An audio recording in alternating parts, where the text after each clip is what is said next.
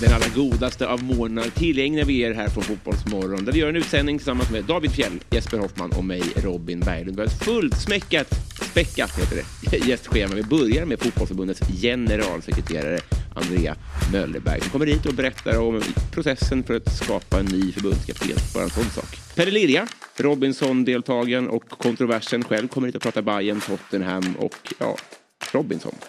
Och så kommer Adam Carlén med på länk och pratar om det rafflande avgörandet i bottenstriden för hans IFK Göteborg. Och sist men inte minst så kommer Alexandra Pascalido hit och pratar fotboll, fotbollskultur, manlighet, allt vad det är som kretsar kring det. Vi gör som så att vi lyssnar på mig när jag säger tune in. Fotbollsmorgon presenteras i samarbete med Oddset, betting online och i butik. Yeah, va? Woo! Va? Vad fan är det som händer? Va? Vad fan är det här alltså? Jag blir fan jävligt kär alltså. God morgon, god morgon, fotbollsmorgon. Det går liksom inte att sitta still. Upp och hoppa nu, vi gör det här en gång till. Det här är terapi och lösa kanoner på däck. Yes! God morgon, hjärtligt välkomna ska ni vara till Fotbollsmorgon. 14 november, vecka 46. Och här sitter David Fjell, Jesper Hoffman, Robin Berglund och generalsekreteraren. Mäktigt. Det är coolt, eller Mm, det är det. Vad är det för tyngsta titel du har liksom känt att du har fått i ett sammanhang? Ja, det vet jag inte. Oraklet. Orakel. Bra den är fin. Ja, den är fin. Den är väldigt fin. Ja. Du då? Jag var ju elevrådsordförande i nästan alla år. Eh, så att, eh, Du, jag också. Ja, jag kan tänka mig. Fantastisk position. Ja, det är det verkligen. Ja, Man får vara inne när det är slask. Bland var annat. det primära. ja. Vad var den viktigaste frågan du drev? Det är nästan preskriberat. Men jag gjorde riktigt bra affärer till mitt eh, UF-företag. All right. Ja, faktiskt. Snyggt. Ja, där eh, märker man att vi var lite, jobbar lite olika. Jag, för mig var det viktigt att Veckorevyn fanns eh, i biblioteket. för det hade jag hört att de äldre ville ha. Så det drev jag på tills det var där. Ja. Anordnade en skolstrejk också. Ehm, så, Rebell Ja, var du redan då. Mm. Tur att man inte visste att man kunde sätta sig på Centralbron. eh, du, jag sa ju att vi hade en generalsekreterare här och det har vi med oss. I mars meddelade Svenska Fotbollförbundet att Håkan Sjöstrand vid årsskiftet lämnar uppdraget som generalsekreterare. Jakten inleddes då på hans ersättare och i september presenterade förbundet Andrea Möllerberg som ny generalsekreterare. Två veckor har nu gått sedan hennes första arbetsdag och ett besök hos Fotbollsmorgon är absolut på sin plats. God morgon och hjärtligt välkommen säger vi nu till generalsekreteraren. Tack så mycket och god morgon. Stilig titel. Ja, visst är det. Mm. Generalskan brukar jag säga själv lite hemma sådär när barnen liksom funderar. Så Ja. att, eh, ja, jag känner att det, det känns bra. För i gamla i Sverige så bar man ju sin titel även civilt. Ja, Alltså, ja men jag gör det hemma. Är det du kan ja, sakna? ja, men jag gör det hemma nu. Jag på post, liksom, postlåda och sådär. Så, Gör på generalskan. Jävligt mäktigt. Du, eh, eh, berätta gärna om känslan att kliva in eh, liksom i det allra finaste utav kontor. Nämligen det som eh, rattar svensk fotboll. Ja, men det, är lite surrealistiskt måste jag ändå säga. Ja, det, eh, när jag först då liksom i processen så är man ju tiden så här, gud det är ju hur många som helst som kommer liksom så här. Och sen så då när Fredrik ringde mig och sa att jag har fått jobbet, det blir liksom lite snurrigt sådär, man bara, va? va? Liksom. För att jag ska ju säga att eh, någonstans när jag började på Stockholms fotbollsförbund för fyra år sedan så hade jag faktiskt så här, fan om fem år då ska jag, då ska jag sitta som generalsekreterare. Liksom. Ja, du hade det? Ja, det hade jag faktiskt. Så här, liksom, Mäktigt. ja, eh, och sen när man då fick kliva in i det här, alltså det är, ja, fan, alltså det är en enorm känsla måste jag säga. Just den här också att man, alltså jag tror ju genuint att jag kan göra skillnad. Jag, jag, liksom, jag känner varje dag på jobbet att jag kommer göra skillnad. Det kommer synas att jag liksom har varit här och satt min prägel på det Mm. liksom, och fotbollsrörelsens prägel framförallt. Då. Hör du, vad, eh, vad har du för eh, drivkrafter? Vad är det som gör att du för fyra år sedan säger att ja, jag ska bli generalsekreterare? Vad är, det som, vad är det som får dig att kliva upp morgonen och, och påverka? Ja, men jag, jag stimuleras av liksom förändringsarbete och jag stimuleras väl också till viss del av att, att liksom ta de här riktigt hårda och svåra beslut, de här riktigt utmaningarna. Eh, framförallt kanske i organisationer som eh, är konservativa och, och, jag vågar liksom... Inte fotbollen det? Nej, nej, absolut. nej men jag, jag vågar väl både nyttja och utnyttja liksom den jag är, vad jag står för och jag är liksom inte rädd att köra huvudet i, i betongväggen och ibland kanske man inte kommer igenom i betongväggen men då kanske man har gjort en liten, liten spricka och så får nästa dunka på liksom. Så, att, så jag skulle säga att det, det, är, drivkraften är nog liksom att att jag, ja, men jag, jag, vet att jag är modig att våga göra förändringar och det blir liksom en drivkraft att våga kliva in i organisationer som, som jag tycker är, ja men som kan behöva det. Hur ser din fotbollsbakgrund ut? Liksom när bestämde du för att du ville jobba med fotboll och eh, är det någonting som har vuxit fram för att du har varit duktig inom din yrkeskarriär eller är det för att det har funnits ett brinnande intresse från start? Ja, nu måste jag tyvärr liksom såga alltihop där. Nej, men det var ju så här, alltså, jag kom ju från, eh, från Kalmar, utanför mm. Kalmar, en skog, två Prata mil. lite närmare micken bara. Så, tack. Kommer, ja. ja uh, utanför Kalmar, två mil. Min ja. bror spelar fotboll. Vad heter, vad heter byn? Tvärskog. Och, och då vill jag, det var lite utanför Tvärskog också. Mm. Så, så att, uh, och där var liksom fotbollen stor liksom. Så det, man, där hängde man ju lite grann liksom och tittade. Så att, men sen var det egentligen när barnen, när jag fick barn, eh, ja men alla unga ska spela fotboll, mm. punkt liksom så. Så att in med dem i den här eh, eh fotbollskön, liksom, Bollstanäs. All right. eh, fem så år. då var du uppe i Stockholm? Då var ja, då var jag flyttat upp. Då liksom, har jag gjort hela liksom, ja. resan att, ja men här, här finns det, här, här kan jag liksom mm, gömma mig mm. undan lite liksom. Mm. Så att, eh, och då insåg jag ganska snabbt att det här med tränare, det var inte min grej riktigt. Liksom. Eh, så, att, ehm, så ganska tidigt alltså klev jag in i styrelsearbete. Där tyckte jag att... I Bollstanäs Ja, precis. Mm. Här kan jag lägga, här kan liksom jag bidra.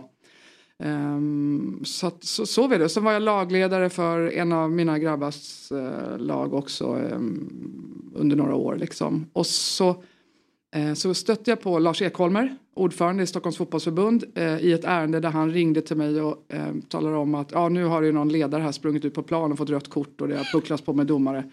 Och jag var då ordförande i Bollstanäs och liksom... Härliga Stockholmsfotbollen. Jaha, ja, jag får ta tag i det. Så la jag på liksom. Mm. och sen så, så fixade jag det. och då ringde Lars tillbaka sen och frågade om Boll, eller Stockholms fotboll kunde ha styrelsemöte ute i Bollstanäs för att berätta lite om klubben och det då. Så att, Ja visst kom ni sådär liksom och så kom styrelsen dit och så skulle jag få en halvtimme att prata om Bollstanäs och det slutade med att jag pratade ganska länge och talade om att det enda jag, Stockholms fotbollsförbund, ni hör fan bara av det när det är problem va? När det är rött kort va? Jag, ingen, alltså ni är värdelösa. Mm. Det var liksom min sammanfattning på allting. Ett år senare ringer han till mig och, och så här, ska vi ta en lunch liksom? Tänkte, Aha. Och jag har ju ganska eh, varit inne i anläggningsfrågan. Jag är ju fritidspolitiker också. Väsby har ju en ny fotbollshall som jag faktiskt eh, stolt säger att det är jag som har fixat den. Mm. Um, så jag trodde han ville prata anläggningsfrågor. Så, att, så tar vi en fika och så säger han så här, men jag vill göra ett förändringsarbete i Stockholms fotbollsbund och, och jag skulle vilja att du driver det. Så var det. Jaha, liksom. Och då, så jag var liksom, det var Liksom, jag sa nästan ja direkt. Liksom, här, utmaning. Alltså jag, jag triggas av utmaningar. Låt mig eh, liksom, så, formulera en mm. fråga utan att eh, få dig att framstå som eh, med, med, med lätt hybris. Men jag gillar ju ändå tanken på den här resan. Du börjar lite grann lite lagledare, går in i en styrelse. Rattar runt lite grann i Bollstanäs. Lackar på Lars Ekholmer. Skäller ut honom och förklarar att det här är inte bra det ni håller på med. Ett år senare ringer han out of blue ville bli generalsekreterare. Nej, då var det distriktschef Stockholms fotbollsförbund. All right, ja, jag har gjort en liten... Okay. Nej, nej, nej, jag tänkte att han ringer dig där och du där och då tänker om fyra år då är jag generalsekreterare. Det hade varit jävligt offensivt. Ja, nej, men, ja, det fattar du? Ja, ja, okay. så, nej, det fattar jag ingenting. Nej, right. så, att, nej, men så då hoppade jag in i Stockholm All och right. så körde jag där fyra år och, och fick uppleva um, uh, både då att jag skulle göra en förändringsprocess liksom och strukturera om lite Um, och det, det, är ju en upplevelse då, i en, en, en, konservativ miljö. Och vara Jag kan säga att det var en upplevelse. Jag, jag, jag sa till Kenneth Öberg att vi pratat om det att gud, vi skulle haft liksom det här en kamera som följde oss som bara förbundet, ni vet i Office. Mm. Liksom. Så faktiskt. Men, och sen kom pandemin. Som ett brev på posten då efter ett halvår när jag varit på plats. Liksom. Så att, eh, men du, eh, vi gillar ju att prata anläggningsfrågor inom fotbollen mm. och storstäder. När eh, fixar du till det? Ja. Vi saknar över hundra fotbollsplaner ja. fullstora i Stockholms ja. kommun bara. Ja men det är ju, är det någonting som jag har koll på just att jag kommer från Stockholm liksom innan då för så, här, så att, eh, Ja, Det är en oerhört knepig fråga. Och det, man ska också vara medveten om att eh, det är varje enskild kommuns ansvar. Punkt. Liksom.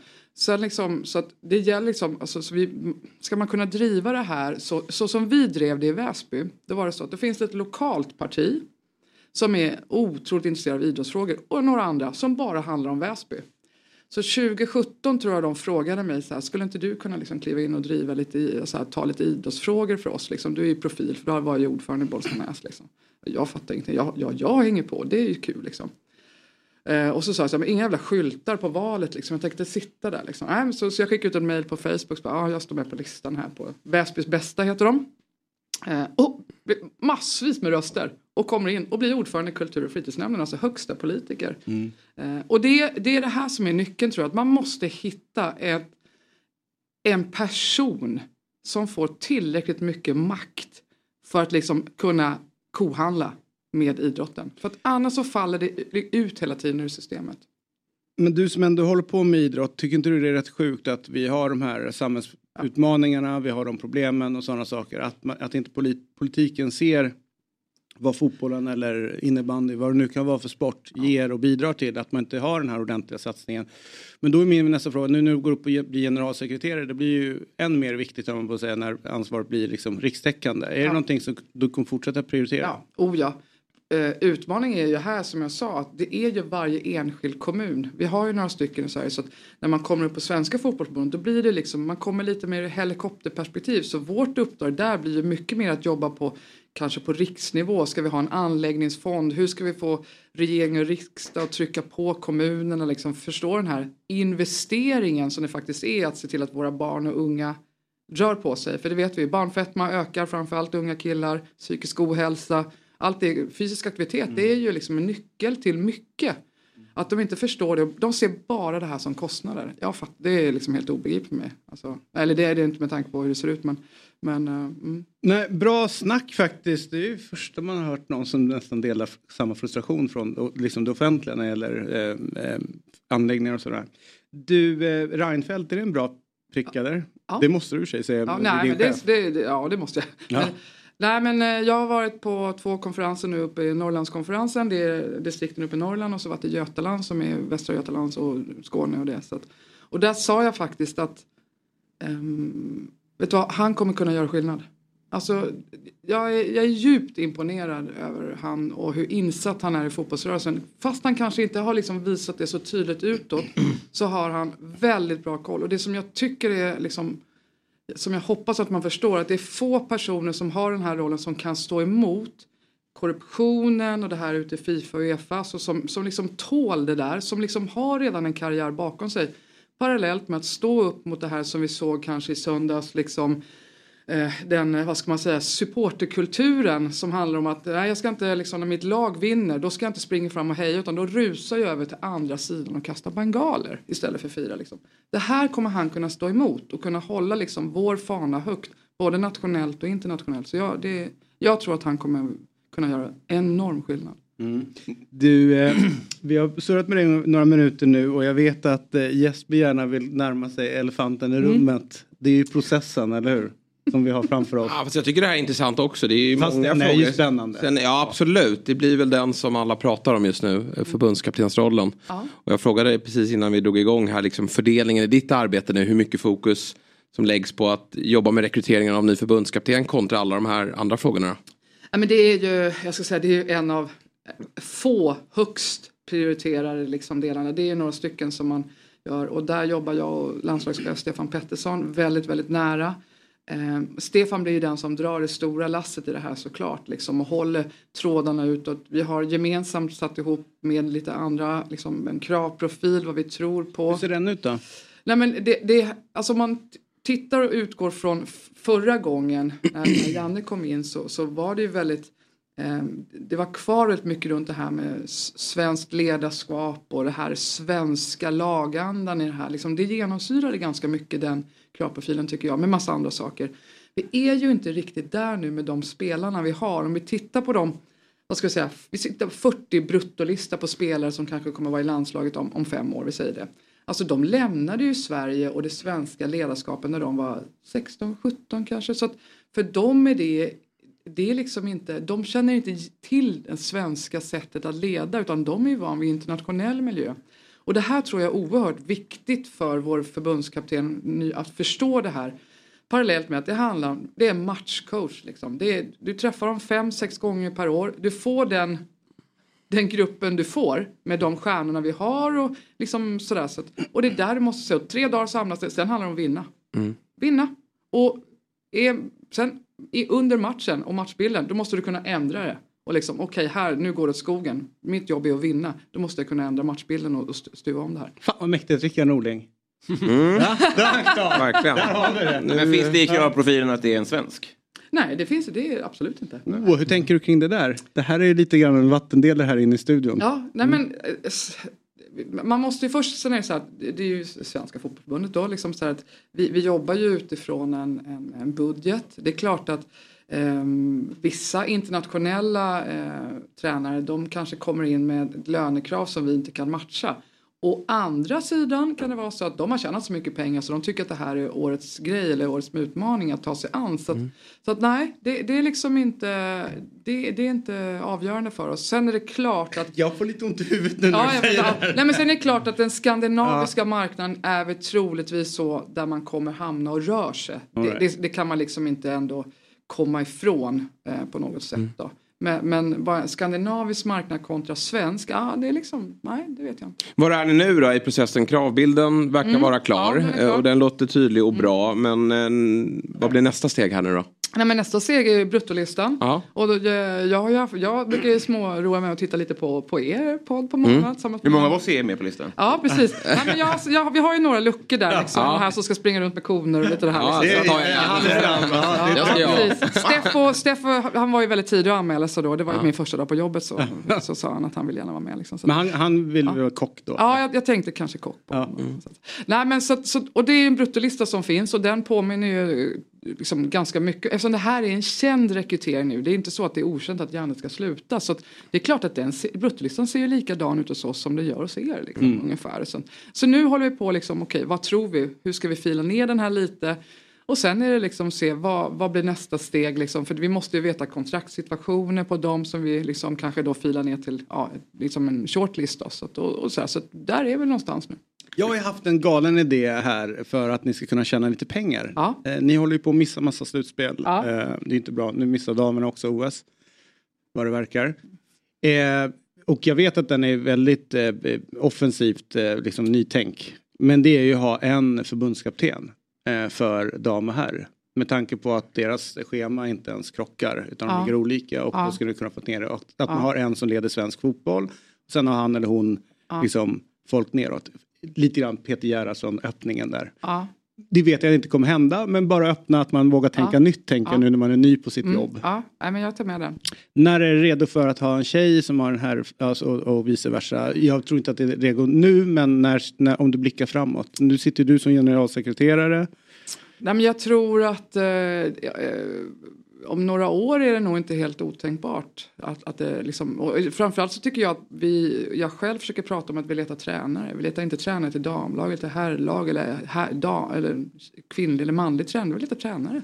Liksom. Och där tycker jag att eh, ehm, vi är betydligt mer nu än vad vi var bara för något år sedan, ett par år sedan. Så att, eh, I dagsläget tror jag inte riktigt att vi kommer eh, liksom hitta någon just nu men i ett par år kanske.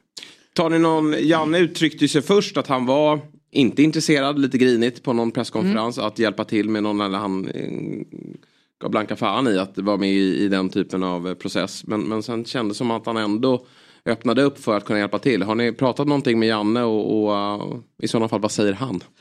Du menar att han själv ska vara kvar eller? Att Nej, nej, nej, Med utan, eh, ja, nej, på men absolut. Nej, men alltså, så här är alltså de som är i landslaget nu, både Peter och Janne och alla, alltså de är ju otroligt måna om svensk fotboll och de, de, de, de brinner för det här så de bistår ju jättemycket i sina tankar också.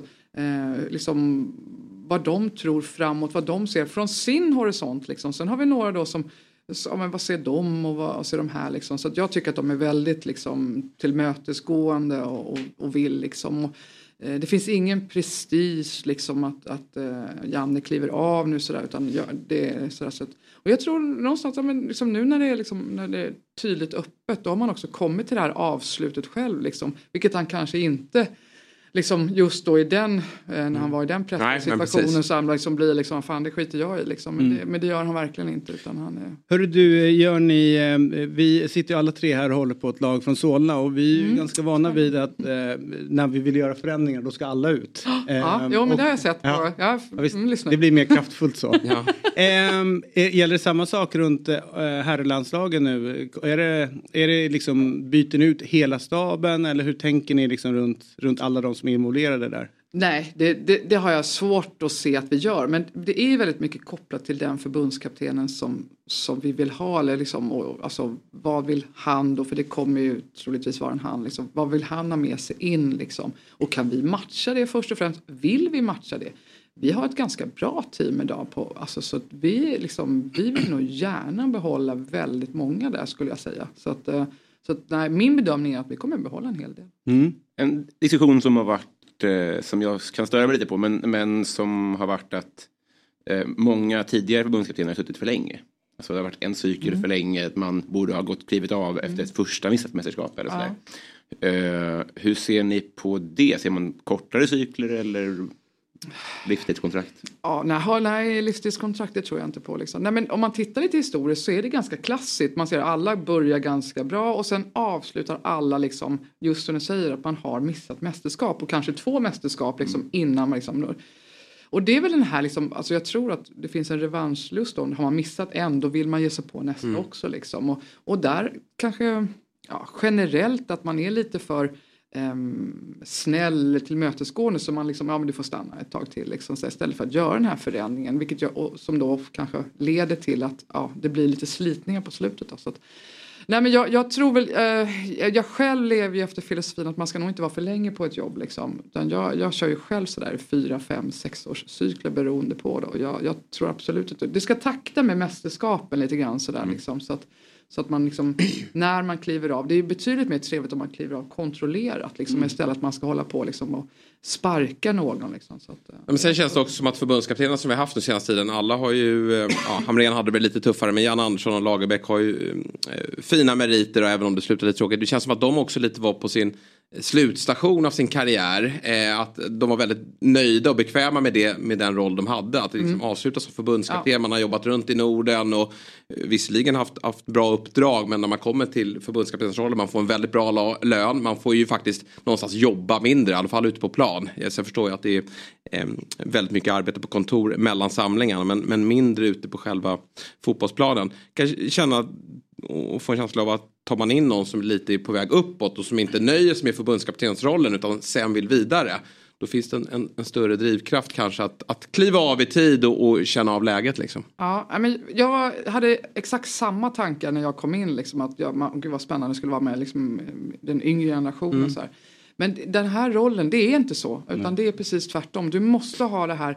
Du måste nästan ha liksom, eh, kommit över den här drivkraften att vara tränare, träffa spelarna varje mm. dag, kunna göra små justeringar, kunna liksom se hur mår teamet lite. Ja, men, Henrik Rydström till exempel i Malmö som jobbar väldigt nära sitt lag liksom varje, varje dag för att göra de här förändringarna liksom, och, och, och liksom få den här effekten. Det har du ju inte som, som förbundskapten. Fem, sex gånger per år. Sen är det lite telefon och lite andra möten. Liksom, så jag tror att man måste ha kommit en bit på väg i sin karriär och kanske som du säger har eh, Ja men man är nöjd med sin vad ska man säga, karriär liksom ute i Europa på något mm. sätt och, och, kommer in eller på klubbnivå. Liksom. Så, så det, jag, jag förstår precis mm. vad du är ute efter men jag, jag tror att eh, det är inte lätt liksom, för att just du, du måste komma med en sån erfarenhet att du måste ha gjort en eh, uppsjö med matcher. Liksom. Plus att de blir väl rädda om man sätter sig som förbundskapten fyra år och är på väg upp. Och sen så går mm. eh, fotbollen går ganska fort de här fyra åren. Att man kan bli obsolet och bort om man har ett litet landslag som Sverige. En sak man tar Frankrike eller de som är vinnarmässiga. Du, eh, många undrar hur mycket Håkan Sjöstrand lägger sig i rekryteringen utav nästa förbundskapten. Ingenting. Tydliga, raka svar. Eh, du, eh, vilka, om du skulle få välja fritt då sådär, har du något favoritnamn eh, som du gått och, för du har, ju, du har ju liksom inte varit i den här rollen innan. Eh, utan du har ju gått runt som en vanlig Ja. dödlig höll ja, jag på att säga, utan en fin titel. Ja, Ja. exakt. Eh, har, har du haft någon favoritperson då? Nej, alltså jag har, det här är väl kanske en fördel på något sätt att inte vara som ni, liksom bara fingrarna rakt ner i syltburken och det är det mest spännande. Ja, det är inte liksom, det är riktigt min... Jag tycker inte att det är, Jag tycker det är roligt att lyssna. Jag, jag har lyssnat jättemycket, jag har läst jättemycket media, jag har lyssnat på er och lyssnat internt liksom. Och, och just för att bilda mig en uppfattning till det. Så att, nej, så jag har liksom inte riktigt... eh, Ja, jag fattar. Ja, det, Finns det en... det är rätt skönt. Ja, men Ja. det är ju bra när du kommer Ja. ifrån. Upplever du att alla är lite för överens eller att alla, alla åsikter drar åt samma håll eller att alla är överens om vilka namn som borde vara aktuella och sånt där? Nej, det, ty- det tycker jag inte. Utan jag tycker att liksom de som, som framförallt Stefan bollar med och sen som han bollar med mig. Då, då har man liksom, må- många har kanske haft lite eh, ja, författad mening om vissa liksom. Eller att det finns också olika, det vet ni, det vet ju ni också, falanger va. Det, är, alltså, det, ni sitter Inte i säkert här inne. Nej precis, så att någon är väldigt stark på den här och då säger någon annan, ja men han har ju den här utmaningen, eller det här gillar inte jag med honom. Så jag ska säga att det, är- det är väldigt liksom svårt att få samsyn. Sen Mm. finns väl alltid några där man kan samsas om liksom, topp fem eller topp sju. Mm. Liksom. Så att, eh, så att, nej, så att, Du, vi kan göra en omröstning här om ni har svårt Mm. att välja så Ja, kan vi lösa ja. det via Fotbollsmorgon. nej, men vi tänker att vi ska rada upp sen. liksom, sådär, Ja, så att, precis. eh, ja. Det vore i sig tycker jag kul med lite mer öppet, alltså lite grann som man Ja. var inne med, jag har varit inne på ordförandeval i klubbar eller Mm. vet sådär, att lite mer öppet vad man har för vision och idé. Mm. Det vore rätt kul om det blev mer offentligt, liksom såhär, man får söka jobbet som förbundskapten och kanske Ja. berätta det här är min vision om kommande, den här cykeln Ja. som är. Jo, ja, men man måste ju också liksom ha respekt för att de här har ju troligen ett annat jobb, Kan ett ha. uppdrag. Va? Så att om de ställer Ja. sig då här på liksom Fotbollsmorgon och radar upp sig så har vi de sju toppkandidaterna här. Det kanske inte är det de vill blotta internt för sin klubb då. För att om de inte får då förbundskaptensrollen så kanske klubben inte är skitnöjd med att okej du vill inte vara här, du åker ut. Liksom. Ryser som, blommar hem i tårar. Ja, ja exakt. Det Malmö igen. skulle vara som, i och för sig som, eh, var det inte Färjestad som när de hade den här äh, Glenn, äh, Ja, alltså ehm. hela familjen som satt och styrde. Exakt. När de hade lite panik över en tränare de hade som de ville bli av med. Mm. Men då hade de ju tillräckligt mycket makt inom hockeyn så de ringde förbundet och sa du, tar ni vår tränare som förbundskapten? Vi, behöver, vi behöver liksom. bli av med honom. Och mycket riktigt så blev det så. Så att det är olika sporter. Ja, men ändå kul. Ja. Hör du, apropå olika sporter då. Eh, så är det så att jag har ju lite svårt att fatta de som håller på med triathlon. Mm. Det verkar ju vara, eh, alltså bara så här, man simmar sjukt långt, typ en timme i vattnet. Ja, för de som är ruggigt bra på att simma. Ja, ännu mer för dem. Mm, Maxtiden är tror jag två timmar och tio minuter. All right. Idiotiskt länge. Sen plockar någon upp en. Ja, Ja, ja, ja, precis. Eller under, om man ser att det här kommer inte, Nej. här kommer inte hela vägen. Då hjälper man dem. Ja, då, är det liksom, då finns det båtar som, du vet, Ja. Helt, bara sjuk grej. Mm. All right. Sen, spring, sen cykla tror jag 10 mil, 18. 18 mil, ännu värre. Mm. Sjuk grej. Och sen ett maraton på det. Ja, så Ja. är det. Nu, nu, nu väljer vi den längsta eh, triathlonloppet då. Jag har ju Ja. Mm. sett den här nere i Kalmar och jag brukar hänga där nere på, på somrarna. Och eh, sitter man där och käkar en glass och kollar på idioterna som jag brukar säga till barnen. Så att det där är bara massa idioter som springer förbi. Och så börjar man kolla upp dig.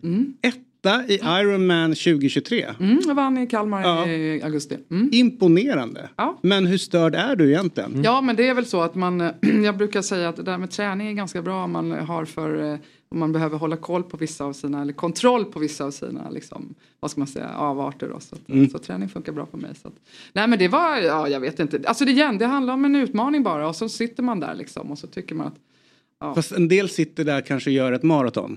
ja. Alltså, punkt. Ja, mm, Eller cyklar 18 mil. ja men det punkt. kan alla göra. Det, ja, Det är så. jag ser. Men ni två kan väl börja prata liten Det grupp? Olika, arter. i. Va? Robin kan inte simma. Får plocka upp mig direkt. Men det kan jag lära honom, det är inga problem. Ja. Puffar. Och cykla är bara drömma om. Ja. Det är svårt. Till trehjul. Men vad då David, du är väl den som är mest aktuell. Du var ute och sprang i typ två år i rad. Du hade en Jo, fast otrolig var ju- Runstreak, ja. ja. 184 dagar blev det. Ja. Men, eh, men det där är ju konstigt. Alltså, vad, gör det inte ont? Alltså, vet såna, hur, hur, alltså, mentalt, hur fixar man det är- smärtan? Ja, nej, men det är ju, det är, alltså, så här, en Ironman är ju, det är ju mentalt liksom. Det, det, det är ju både liksom att Alltså, det beror ju på hur man vill genomföra det men alltså träningen innan är ju liksom, det, det, det blir ju nitiskt liksom för att om du ska köra en Ironman i Kalmar, ni fattar ju den som semestern innan liksom. Det är inte så här som att man drar och lägger sig på Ibiza liksom och med, med drinkarna och sådär. Även om jag inte har några problem att dricka liksom, vin och grilla och sådär liksom. Så att, men det, varje, lördag, varje helg så måste du köra ett långpass cykel ett långpass löpning till exempel. Så då blir det liksom ja, fyra, fem, sex timmar cykel liksom med lite stopp. Och sen så är du ute och springer då mellan 20 och 30 kilometer liksom dagen efter då. Och sen så på året liksom på morgonen, jag är, jag är morgonmänniska, det är uppenbarligen ni också då. Så, att, eh, så att jag hade väl 5.40 har jag gått upp liksom varje morgon nästan, mm, ja, ganska länge liksom. Så. Och när började din satsning? Ja men det var, ja, det, det var ju så här att jag, jag, jag är ju eltsimmare från början då så att liksom och sen det här med löpning liksom, det är väl liksom, det kan alla göra liksom man är ute och lunkar. Så var det någon som sa så här, men ska du inte köra triathlon? Nej fan, liksom. jag hade aldrig cyklat då. Och sen så satt jag där och funderade, liksom. det var väl en klassisk sån här, liksom, jag började bli gammal kris. Liksom. Så, att, eh, så, så gick jag och köpte en cykel. Såklart. Ja, precis, 2017 hösten.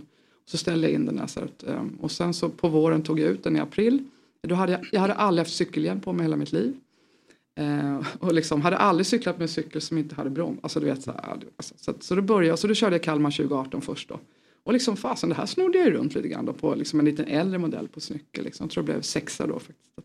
Och sen körde jag 2019 eh, och då ledde jag hela en ganska bra bit men så fick jag punka liksom och då var det godnatt. Liksom, så, så att, eh, och sen blev det pandemi och sen så bestämde jag mig att jag kör på liksom. Så, så, och så åkte jag ner till Hamburg 2022 i juni. Eh, och när man ska köra i juni då, då är det ganska mycket vinterträning innan. Så att, och då blev jag tvåa där och fick en plats då till Hawaii, eh, VM då. Så, som jag körde hösten 2022 då. Och sen så tänkte jag att nu ska jag banne mig vinna den här skiten också. Så då tänkte jag att Kalmar 23, då ska jag vinna. Hur gick VM? Ja, det gick, eh, jag blev 30 av 200 eller sånt där liksom. Otroligt. Du verkar vara väldigt målmedveten. Alltså, ja. Dels så att du ska bli generalsekreterare och, och alla de här eh, otroligt eh, eh ja, triatlet och allt, Ironman och allt vad det innebär. Eh, men vad är målet med svensk fotboll och äh, landslaget? vad vill du uppnå? Nej men alltså vi har ju liksom, för det första så om man tittar på damerna nu så är vi ju världsetta. Mm. Det är mm. ju helt fantastiskt, det är så roligt. Det innebär ju också... Där kan det bara bli sämre. Ja men alltså shit liksom. Så, Grattis! Så, ja precis. Ja. Nej men alltså där är ju verkligen målet att vi ska bibehålla den positionen i, i liksom, i, på rankingen. Men det är ju otroligt knepigt och det ska vi vara medvetna om att um, vi har ju haft Alltså, vi, har ju, vi, vi, är ju ett jämställt land i förhållandevis till många andra vilket har gjort att även om eh, många av tjejerna inte har fått samma förutsättningar som grabbarna som är i landslaget idag så är det betydligt bättre förutsättningar än många andra tjejer ute i, i världen. Och det tror jag till viss del har banat väg för det landslaget som vi har idag.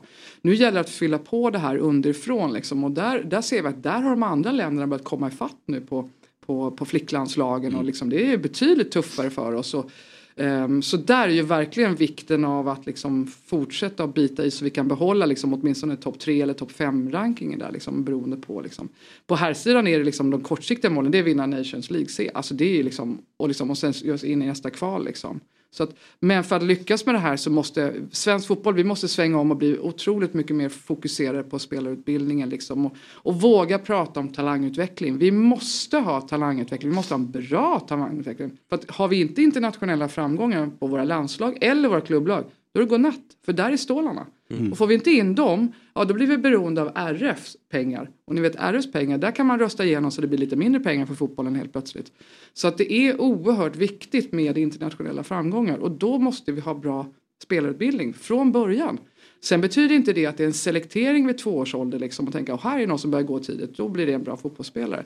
Utan det är viktigt att det får inte vara på bekostnad av svensk fotboll i, alltså i hela landet. Men någonstans så måste vi också våga prata om att bredd och elit, liksom, det, är inte, det är ingen konflikt så här utan det måste finnas båda två. Liksom. Så många som möjligt, så länge som möjligt. Parallellt med att vi måste också ha en spetsig liksom, nivå. Och mm. den måste vi nog våga liksom, trycka på lite hårdare än vad vi gjort hittills. Resultaten är en grej, men vad har svensk fotboll misslyckats med? Ja men det beror ju på hur man tittar. Alltså, tittar man på svensk fotboll generellt så mår vi ju oerhört bra. Vi, alltså, det är fler som spelar fotboll. Vi är ju liksom överlägset den största idrotten i Sverige. Vi, jag tycker att vi är fantastiska på mångfald och inkludering men inte tillräckligt bra. Men alltså vi är en förhållandevis eh, enkel idrott att ta sig an. Förutom att vi har då vissa områden där, där, liksom, där all idrott är tufft. Liksom. Så att, så att, nej men jag skulle säga att jag tror att den här polariseringen är det vi har liksom misslyckats med. Att vi, liksom, vi har liksom kommit ifrån varandra. Liksom, jag ser det som att vi har ju Svenska fotbollförbundet här uppe. Sen har vi intresseorganisationerna, SEF, EFD, ettan.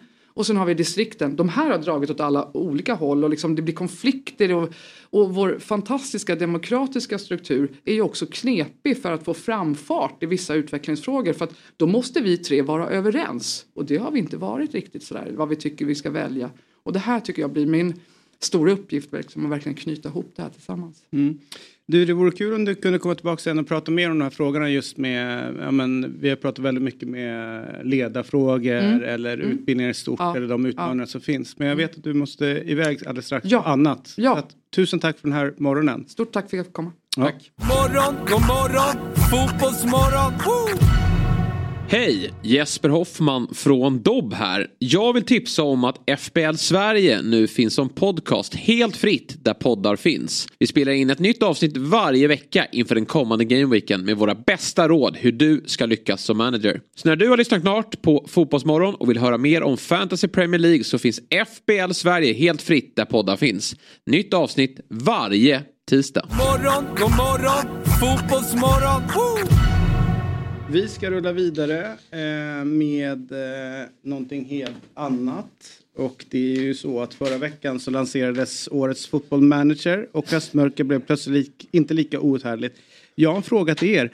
Det finns ju olika typer utav, eh, liksom, när jag var liten och man köpte, då fanns det ett fotbollmanager så köpte man det och så var allting där i. Nu finns det liksom olika editions utav det här. Jag vill gärna ha hjälp med, för jag tänkte att köpa ett. Så att de börjar köra Just det. hemma nu. Vilket jag ska köpa till min Playstation. För det, kör ni Playstation? Eller Nej, ni, dator. ni kör på dator? Ja. Så- Då får du köpa till konsolen Playstation. Ja, det jag menar. Ja, att man ja, kan göra det. ja, Men det blir ingen skillnad i upplevelsen om man Nej. gör där. Alltså alla funktioner finns på båda.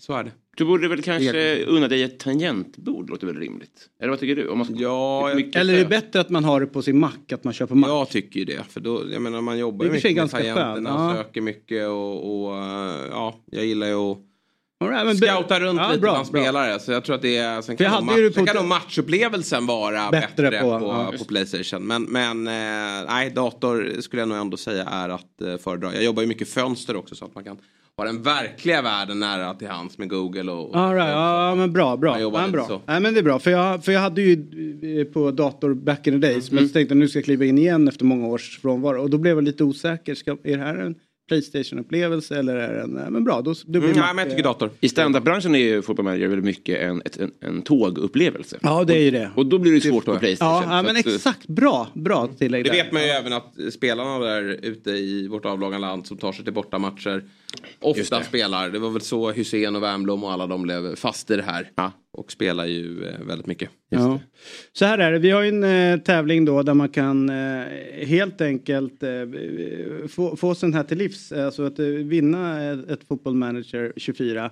Och då finns det ju ett quiz på Instagram under ett fotbollsmorgon. Och ja, kommer under dagen. Så att liksom Sitt med telefonen och Instagram öppet. Ja. Och eh, nu vet inte jag, man drar väl neråt så blir det så här refresh tills det där quizet är uppe. Just det. Eh, och sen så låter vi ut fem vinnare utav de som svarar rätt där och vinnarna presenteras i Fotbollsmorgon lördag och då kan man alltså vinna ett Fotboll Manager 24. Jag är, ju, jag är lite sprallig över det här. Det var så länge sedan jag höll på med det. Ja, jag har inte dragit igång första saven ännu. Jag har bara hört väldigt gott om spelet och jag vill inte höra någonting om det- jag, jag vill bara ha tid, tiden framför mig att kunna spela det. Och nu är det ju Kan vi inte börja samtidigt? Det vore Jo, rätt kul. skulle kunna göra. Och kan man inte spela... Nej jag vet vi bara garvar. nej, nej, Han sitter och skrattar åt mig nu. Ja, nej, jag bara, eller, kul om ditt, om ditt barn är en bra prospect. Det hade varit kul om, alltså nu är det ju så, de är så unga nu. Jaha. Eh, så att man får kolla långt ner i åldrarna, på, sent födda för att kolla vilka som är de stora talangerna antar jag. Ja. Jag tror att de kanske måste passera typ 13-14 va? Om man tror det. Ja, precis. Eller? Eller? Här är någon som ska produceras. Ja. Live-producerat. Ja. Nej, men det är Nej, precis. sluta nu. Man hade ju kun, de hade ju kunnat göra så, så att de man hade fått skicka in sitt eh, barns namn. och så dyker de upp i spelet löpande. För det är ju så att de här spelarna lägger ju av. eh, Som är aktiva Ja, nu. ja, Då ska det fyllas på ja, underifrån. fattar. det var väldigt roligt. Kommer tillbaka där. Ditt barn har skorna på fel fot. Ja. Börja där. Ja, exakt. Och han är 26. Du, så här är det. Eh, IFK Norrköping meddelar att eh, Glenn Riddersholm is out. Eh, det här är ju ganska lustigt för att vi hörde ju att det fanns kritik runt honom när han kom. Ganska tufft där. Sen gick det ju snack om att men nu har han liksom vunnit över spelarna lite grann. Att det börjar gå lite bättre. Men sen så ändå inte. Det kommer ganska mycket snack om utskällningar och skällt ut folk på, på kontoret. Och eh, kanske inte fått med sig spelartruppen som snacket var. Så det kommer ju inte som en hel överraskning ändå att han får kicken. Nej, det tycker jag inte. Det spelar liksom ing- ingen större roll hur resultaten har blivit. Det är väl godkänt för Norrköping i år Ja, att, landa någonstans där i mitten. Men jag tror att Norrköping ska försöka hitta tillbaka till det, det gamla spåret med, med en, em, en, eh, mer eh, anfallsinriktad eh, och, och tydlig spelidé från en tränare så som de hade under Jan Andersson och senare även Jens Gustafsson där de dels var skick, eh, liksom spelade en offensiv rolig fotboll bra på att utveckla spelare och dessutom fick resultat. Det är klart att det är svårt att få alla de tre delarna. Men det var man framgångsrika vid förut. Jag tror att Norrköping behöver hitta tillbaka det där man var en, en klubb som var ett ganska givet steg för många spelare som kanske ha, eh, besatt en, en, ha, besitter en stor kunskap och potential men som inte riktigt fått ut det. Då gick man till Norrköping för där visste man att där, där, eh, där flög man.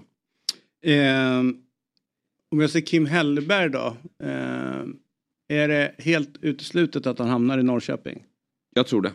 Jag tror inte de kommer... Eh, det känns som att det är någonting där som inte riktigt är hundraprocentigt eh, utan att veta. Utan jag tror att de här namnen som nämns, vilket har ju varit då Andreas Alm, Andreas Brännström. är det Andreas Bäckström? också? Nej, Daniel Bäckström. jag tänkte det blev lite mycket Andreas där. Eh, Daniel Bäckström. Och han är u Och han förbundskapten. är u förbundskapten. Men där hoppas har jag, varit för, för svensk fotbolls skull och, och u landslagets skull hoppas jag verkligen att Bäckström fortsätter.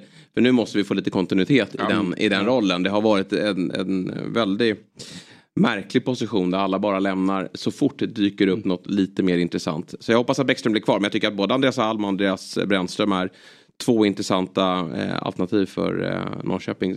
Just det här med spelarutveckling eh, är ju båda väldigt skickliga inom. Eh, så att eh, det där är två bra namn.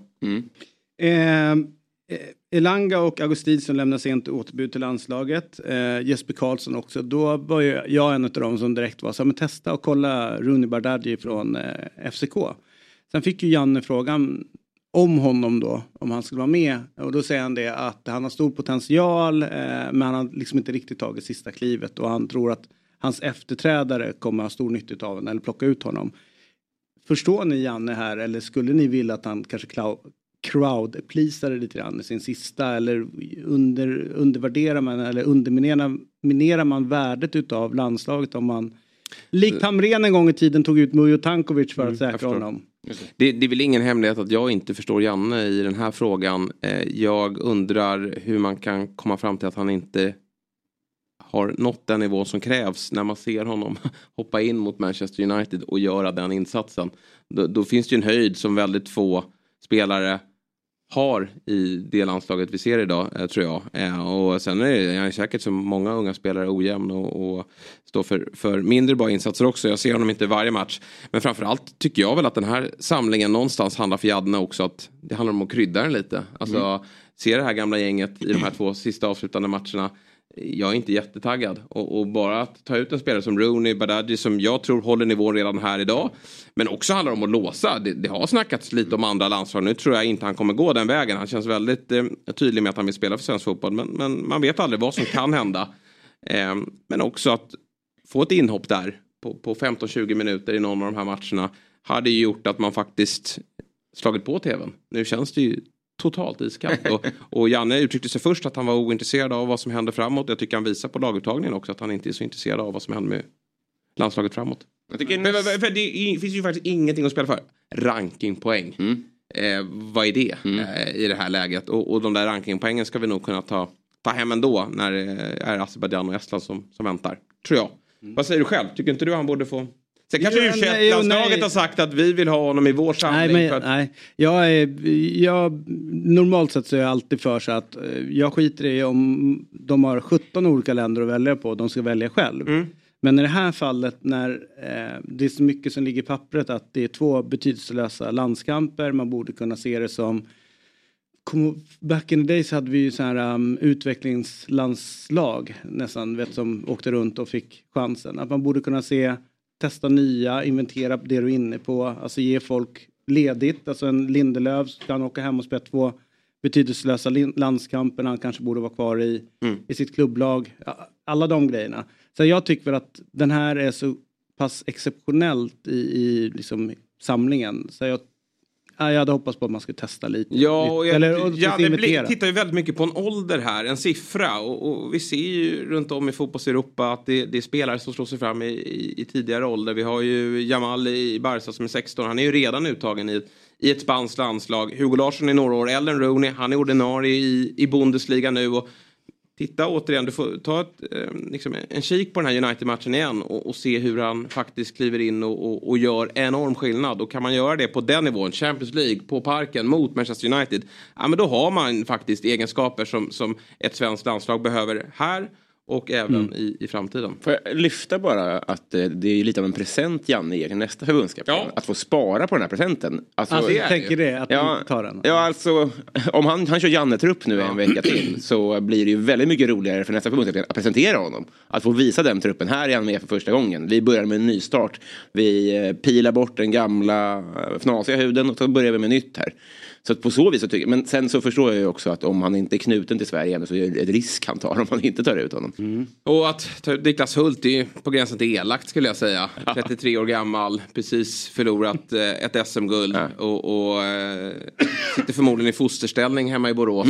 Och ska behöva eh, ta sig ut. Han vet att han inte kommer få spela en enda minut. Han vet att han inte är aktuell för nästa förbundskapten. Nej, det är ju elakt. Men, men jag vet ju vem som är redo. Erkan Sengin. Han har ju ringt honom. Skämt. Jo, jo. Han gör det bra i femman. Haninge. Ja, ja, ja, ja, ja. apropå ålder och... Ja, nej men där är Janne tillbaka vet ju ja, ja, visst, att ja. eh, han är sugen. Ja, det är, ja, ja, det är bra. Det är, bra. Jag har glömt att han fanns. Ja, det är klart. Det är så mäktigt ändå alltså. Så här var det, lite grann i skymundan av guldmatchen som spelade sig, spelade sig på Eleda stadion mellan MFF och Elfsborg. Eh, så var det nog ett ännu värre drama på Påskbergsvallen eh, mellan Varberg och Blåvitt. Det stod 1-1 till matchminut 95. Eh, BP hade slagit Häcken och med det riskerar Göteborg att få kvala sig kvar. Vad gör då Adam Kalén från Mariestad? Jo, han kliver upp i offensivt straffområde. Flyttar lite klädsamt på någon människa med någon grön tröja. Och trycker fram högerbenet. Och sätter dit 2-1. Hur lätt som helst, inga konstigheter. Och sen så får han köra den här sköna glida på knät eh, på ett vått underlag. Härliga eh, bilder, härligt firande och Adam Kalén, hur var känslan? Jo, det var, ja, det var helt, helt otroligt. Eh, har väl eh, blackout eh, egentligen efter, direkt efter målet. Så bara att den gick in och sen, eh, sen var det bara glädje och, eh, och så att alla var helt eh, vilda på läktaren. Så jag bara slängde mig ut mot eh, eh, på knä där och sen, eh, sen var det någon slags hockeyhög över mig typ. så så det, var, det var kaos. Hur nervöst var, var matchen och upplevelsen liksom fram tills det här förlösande målet? Alltså det var ju det var jobbigt för eh, först så eh, såg vi att eh, Häcken hade gjort eh, 1-0 och sen eh, tryckte vi på eh, ganska bra mot, eh, mot Varberg. Jag trodde det, jag, jag tänkte att det, det löser sig men sen eh, helt plötsligt när jag kollade upp mot den där eh, tavlan då så, så eh, hade BP helt plötsligt gjort 2-1. Eh, och så typ fem minuter senare så, så knoppar ju Varberg in eh, 1-0 också. Så då blir det ju lite, eh, ja, då blir det lite tyngre helt plötsligt. Så eh, ja, det var ju bara, vi fick ju bara försöka forcera så mycket vi, vi kunde och det, det löste sig till slut. Får ni alla live-resultat via pling på arenan eller är det någon som ropar till er eller hur funkar sånt? Nej, alltså jag, jag kollar bara för de hade så här, eh, alltså det man såg på tavlan, typ så här match B var, var den då liksom. Så du, du hade kollat upp innan först vilken som var eh, A, B, C, D där liksom? Ja, ja. Ja, ja. Ja, mäktigt. Precis som Premier League. Exakt så. Det var ju alltid lurigt när man satt på en sån där Ja. ja. idrottsanläggning och så hade man inte matchprogrammet. Exakt, så skulle man sitta och gissa. det? Vad mobil, mobiltiden. Det var jävligt roligt. Ja, det var det ju.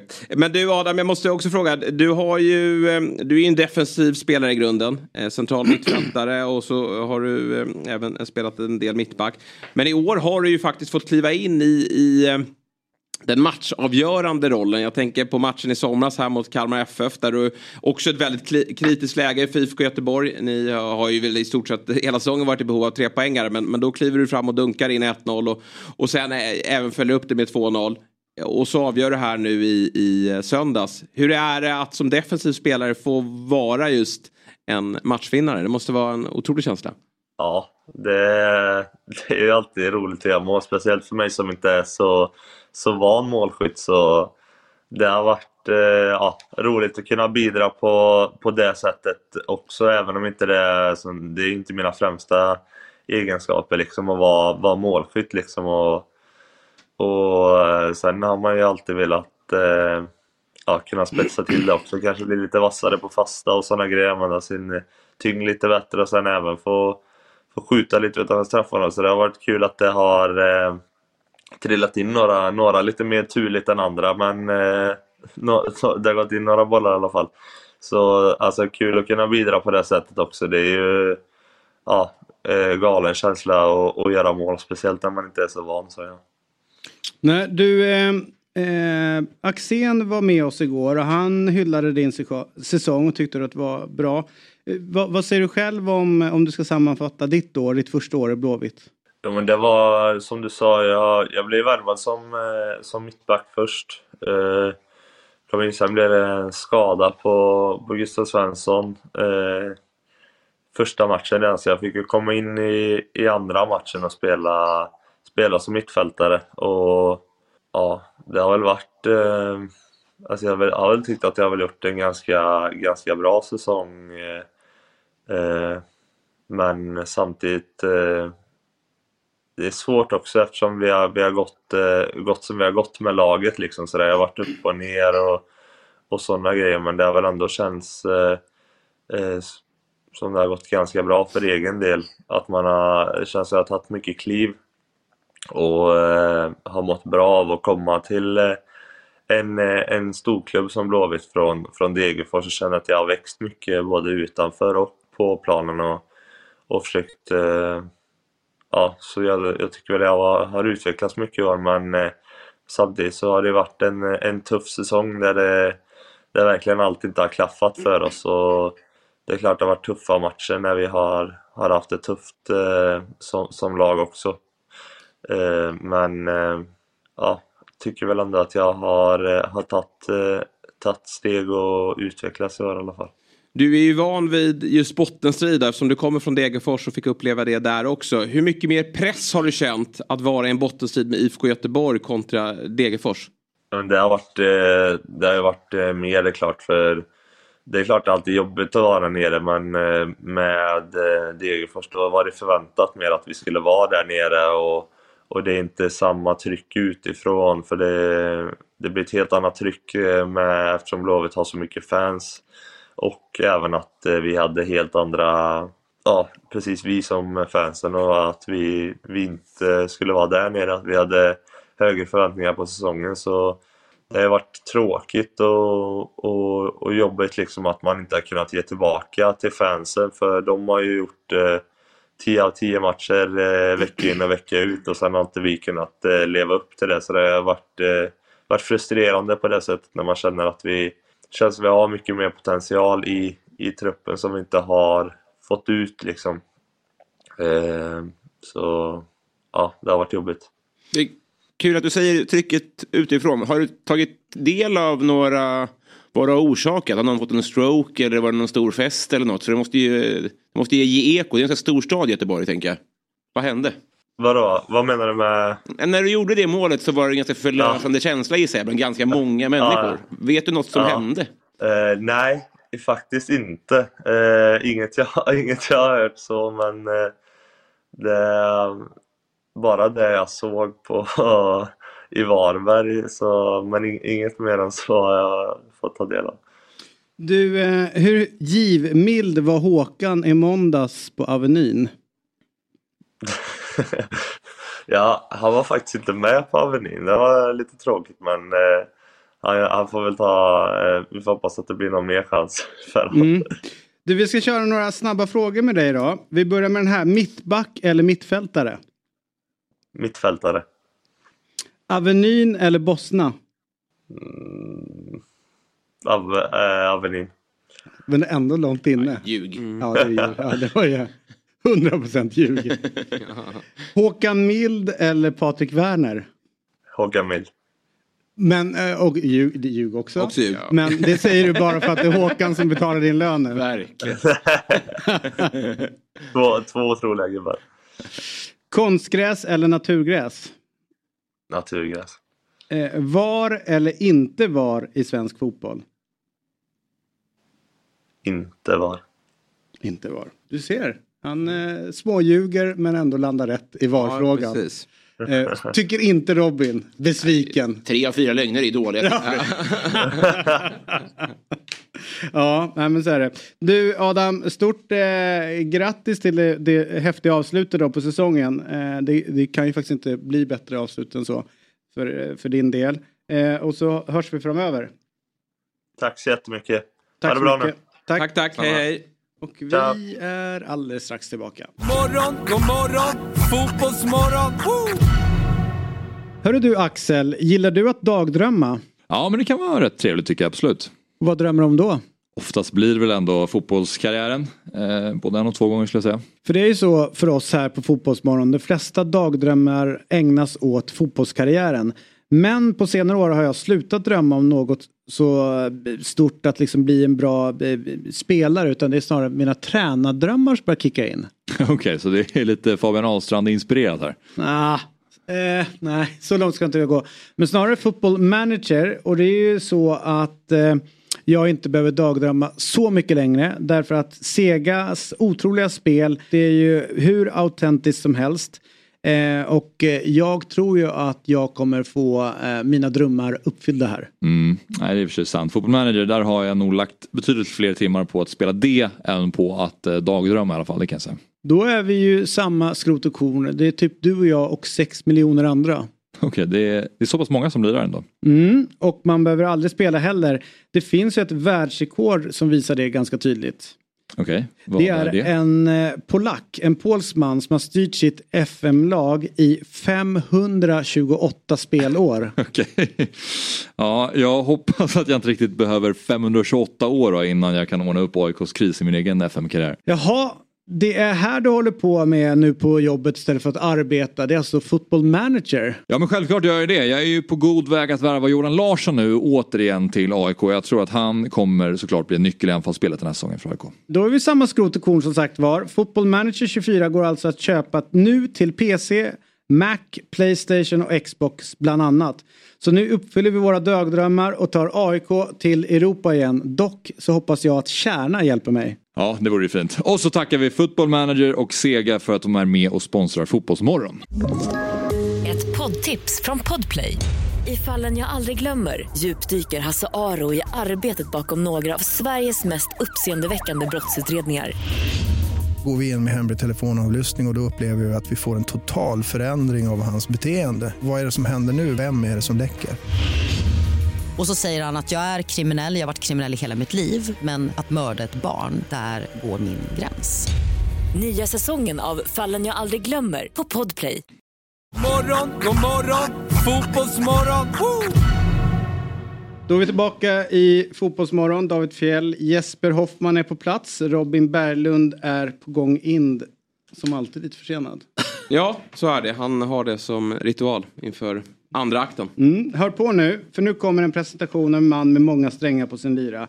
För det första är han man, han är farsa, make, socialpedagog, fotbollstränare, före detta kustjägare, yxkastare, lever för, ba- för Bayern och deltagit i Robinson inte en utan två gånger. Vi säger stort grattis, välkommen till Pelle Lilja. Tack, nu jävlar nu kör vi. Ja, nu kör vi. Du får hoppa lite närmare micken. Ja, okej. Där ja, Ja. kanon. Eh, först och främst då, eh, vad är din relation till fotboll förutom smutset på tröjan där? Ah, det är Tottenham på tröjan så det är fint.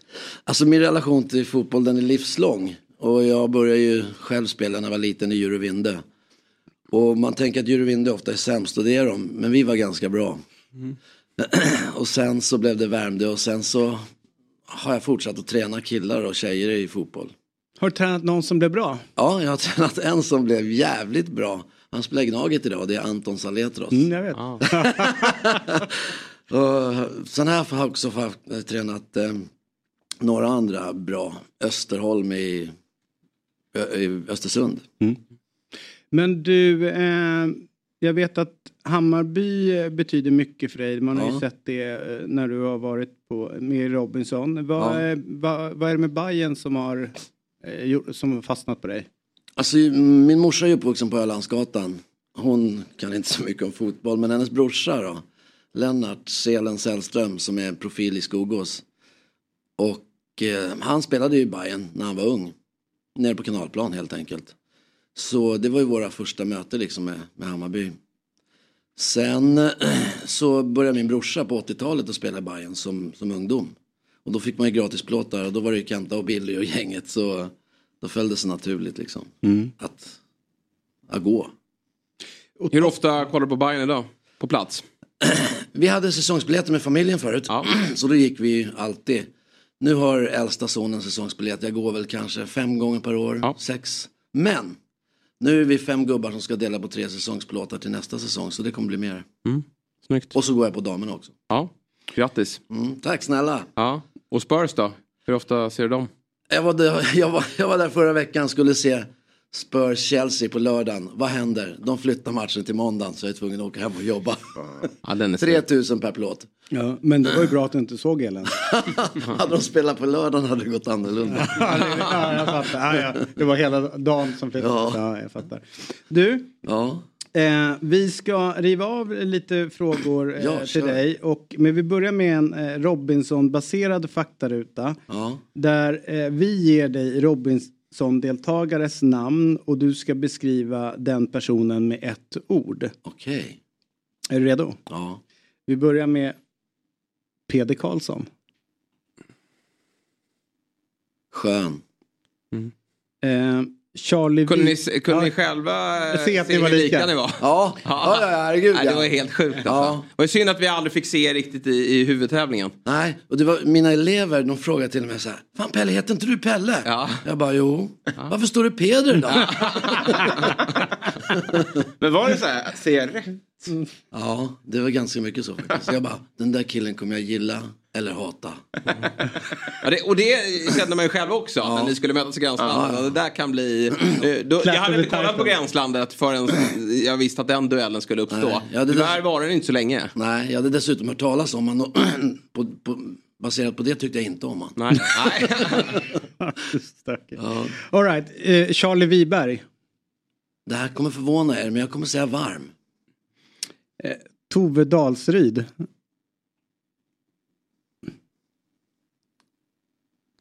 Eh, vad ska jag säga? Tyvärr säger jag sjuk. Emil, eh, Emilio Mio Vega. Fin. Else-Marie Enbuske. Smart. Och sen så har du ju Ken. Rolig. Och så har du Wilmer Torema. Energiknippe. Hörru du, eh, en grej jag har tänkt på eh, som du håller på med sport eller gillar sport. Eh, nu syns du i tv och Ja. när, när det börjar skrivas om folk som deltar där och skriver också om, om fotbollsspelare, Mm. kritik som kan komma och folk hackar in. Ni har ju börjat få uppleva den sidan utav, Ja. utav verkligheten. Hur har det varit med liksom att folk eh, nästan kapar era namn eller pratar om saker eller tolkar eller vad det nu kan vara. Jag behöver börja med en jämförelse från förra säsongen. Då började jag med att gå in rätt hårt. Jag fick rätt mycket skit men jag fick också lika mycket beröm liksom. Sen efter ett tag så när jag dissade Alexander där då fick jag mycket skit. Men sen på slutet när jag åkte hem av det skälet jag åkte hem för att det var dödsfall i familjen så fick jag cred.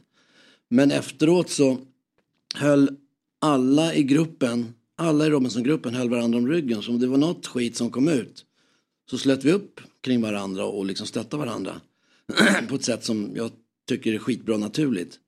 I år har det inte varit så. I år har det varit, så att säga, de värsta slagen kommit inifrån gruppen och det tycker jag är jättetråkigt. Och då är det ju en del utifrån då som hakar på den trenden och oreserverat tror på det som sägs. Och det kan jag tycka är tråkigt och bli någon mån ledsen över. Men jag blir inte lika ledsen som min fru och mina barn. Jag ska inte i radio säga vad min son vill göra med vissa individer. Och jag får nästan hålla honom i armen för att han inte ska åka dit och göra det. Så är det. Är, är det svårt att eh, separera liksom en, den här tävlingen, den här leken som den ändå är mot det riktiga livet? För det känns som att det liksom, det fortsätter. Liksom. För mig är det inget svårt alls. För mig är det två, just vi var där på en lek. Världens roligaste lek jag varit med om i hela mitt liv. Som liksom spänner över många dagar och för en del över flera veckor. Eh, och befinna sig i den här leken, i det här spelet. Eh, och sen så kommer man hem, det är gjort, då är det klart på något sätt. och i min värld så, även om vi var i någon mån osams där, så tycker jag inte vi behöver vara osams hemma. Om det inte har sagts flagranta, liksom, begåtts flagranta övergrepp. Men det, i min värld tycker inte jag det skedde. Nej. Så jag, jag tycker det är tråkigt. Hur mycket tänker man på när man åker ner till Robinson att jag måste försöka hålla den här fasaden liksom att jag, jag Mm. någonstans går hem där hemma att jag inte beter mig som en idiot. Samtidigt då som eh, jag förstår att ni lever under extrema förutsättningar och till slut glömmer bort att det är kameror, ni får lite mat, lite sömn. Liksom, hur, hur, hur snabbt raserar det att man, man, man skiter i att det här kommer att sändas eh, om ett halvår? Jag är ju rätt ryggmärgsstyrd från början så det ligger mig lite i fatet. Eh, Men första resan ner då vi hade, man har ju psykologer som man pratade med innan, så hade jag en psykolog som heter Daniel. Som för övrigt är på Tottenham. Nåväl. Eh, Han har fått sparken. Eh, Då sa han så här, har du någon favoritelev? Jag bara, "Ah, jag har ju många för jag älskar mina elever. Men så, då sa han, så här, välj ut den. Ja, så jag valde ut den. Så sa han så här, den här killen han ska sitta på din rygg hela tiden. Allt du gör ska du kunna rättfärdiga för honom. För nu var det en kille jag valde då. Eh, och det hade jag. Och tänkte så här, jag glömde ju bort det ibland förstås. Men ibland så här så, så kom jag på mig, just det, det måste jag kunna rättfärdiga. Eh, andra gången jag skulle iväg så var det en elev, Juni heter hon, hon går på Kvarnbergsskolan. Och så kommer hon efter mig i trappen. För jag sökte, hade sökt tjänstledigt, fick inte det så jag sa upp mig då, då för att få åka med. Och så kommer hon så här, Pelle, om du ska till Robinson igen. Och det var hemligt då, så jag bara, nej men jag ska inte till Robinson. Jag säger om. Jag bara, okej, om. Om du ska till Robinson igen, var inte så där bestämmande som du var förra året. För du kan vara det mot oss, för vi älskar dig och vi vet att du älskar oss. Men de andra, de kommer inte ha den tiden Pelle. Och jag bara, tack. Så juni har funnits med mig i år. Och jag har ju faktiskt, tycker jag själv, haft en mjukare framtoning. Även om jag inte har gjort avkall på mig själv, för det kommer jag aldrig göra. Eh, och sen så har jag glömt bort henne ibland också för att jag är rätt ryggmärgsstyrd som sagt var. Men eh, nej, det, det, det var som, som Daniel sa också, psykologen då, att det kommer stunder då du, ja, ni, kommer inte, ni kommer inte hålla ihop det. Man gör inte det x antal dagar med liksom lite mat och, och trött och irriterad på varandra. Och ibland brister det och det gjorde det ibland. Dock inte särskilt mycket tycker jag. Men jag, hur, jobb, för, hur jobbigt är det då? För, för man, man har en strategi, man kommer ner, man har en idé om att så här ska jag uppträda och sådär. Men sen måste väl liksom eh, hungern och, och liksom energibrist och att, att inte hjärnan funkar lika bra som gör att man inte kan kontrollera. Alltså jag, jag, det ni, får inte, ni får inte mycket mat. Eller? Nej, vi, alltså, vi får jättelite mat. I alla fall initialt. Eh, så det är klart att det sätter sig i huvudet liksom. Eh, men jag går ner i någon sån här lätt mode som björnarna gör på, på vintern. Så när jag är på ön så kan jag ändå liksom andas ut och vila mycket och ligga och sova och sådär. Sen så interagerar jag ju förstås. Men det är som du säger. Ibland när någon säger något då kanske man kliver loss i onödan för att man är hungrig och trött och irriterad. Så är det ju. Vad var det som inte klickade med Tove? Alltså jag gillade Tove från början. På riktigt. Eh, och när jag kom till lag syd, det var ju som att bli, bli nykär. Jag hade haft det bra på gränslandet. Men när jag kom till lag syd, alla var snälla och trevliga. Och... Vilket lag är syd? Är det gult eller rött? Ja, det var gult, just det. Var inte du där nere?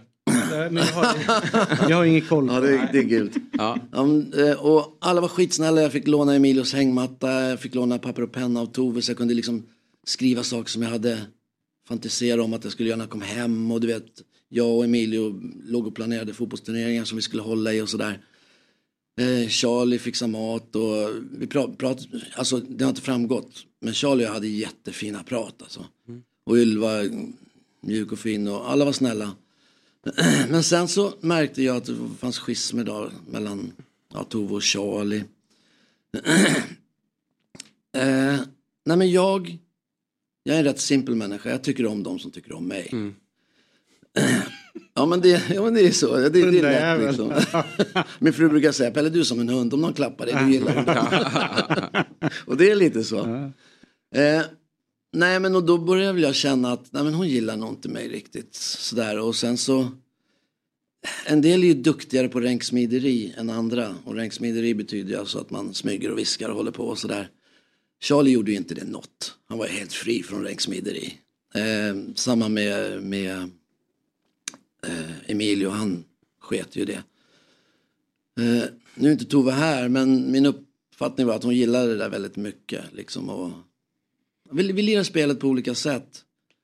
Och hon lirar på ett sätt som, som jag kanske inte gillar. Och då märkte jag att när jag inte, när jag inte gillar henne tillbaka då lackade hon på mig och kände väl att, jag vet inte. Hon fattade att jag inte gillar henne och då är jag en motståndare eller en fiende och då blev det knas. Med det sagt så, så är hon oerhört duktig, oerhört kompetent, smart, eh, asduktig på tävlingar. Men nej, vi lirar inte för varandra. Nej. Eh, Charlie är intressant tycker jag för att jag håller, alltså så här, vi får ju se en Ja, kvart per, ja. Per dag liksom så att man, jag förstår att det, allt kommer inte fram. Mm. Men han verkar ju vara som du säger en, en, någonstans en varm person som är Ja. rak och ärlig när han pratar.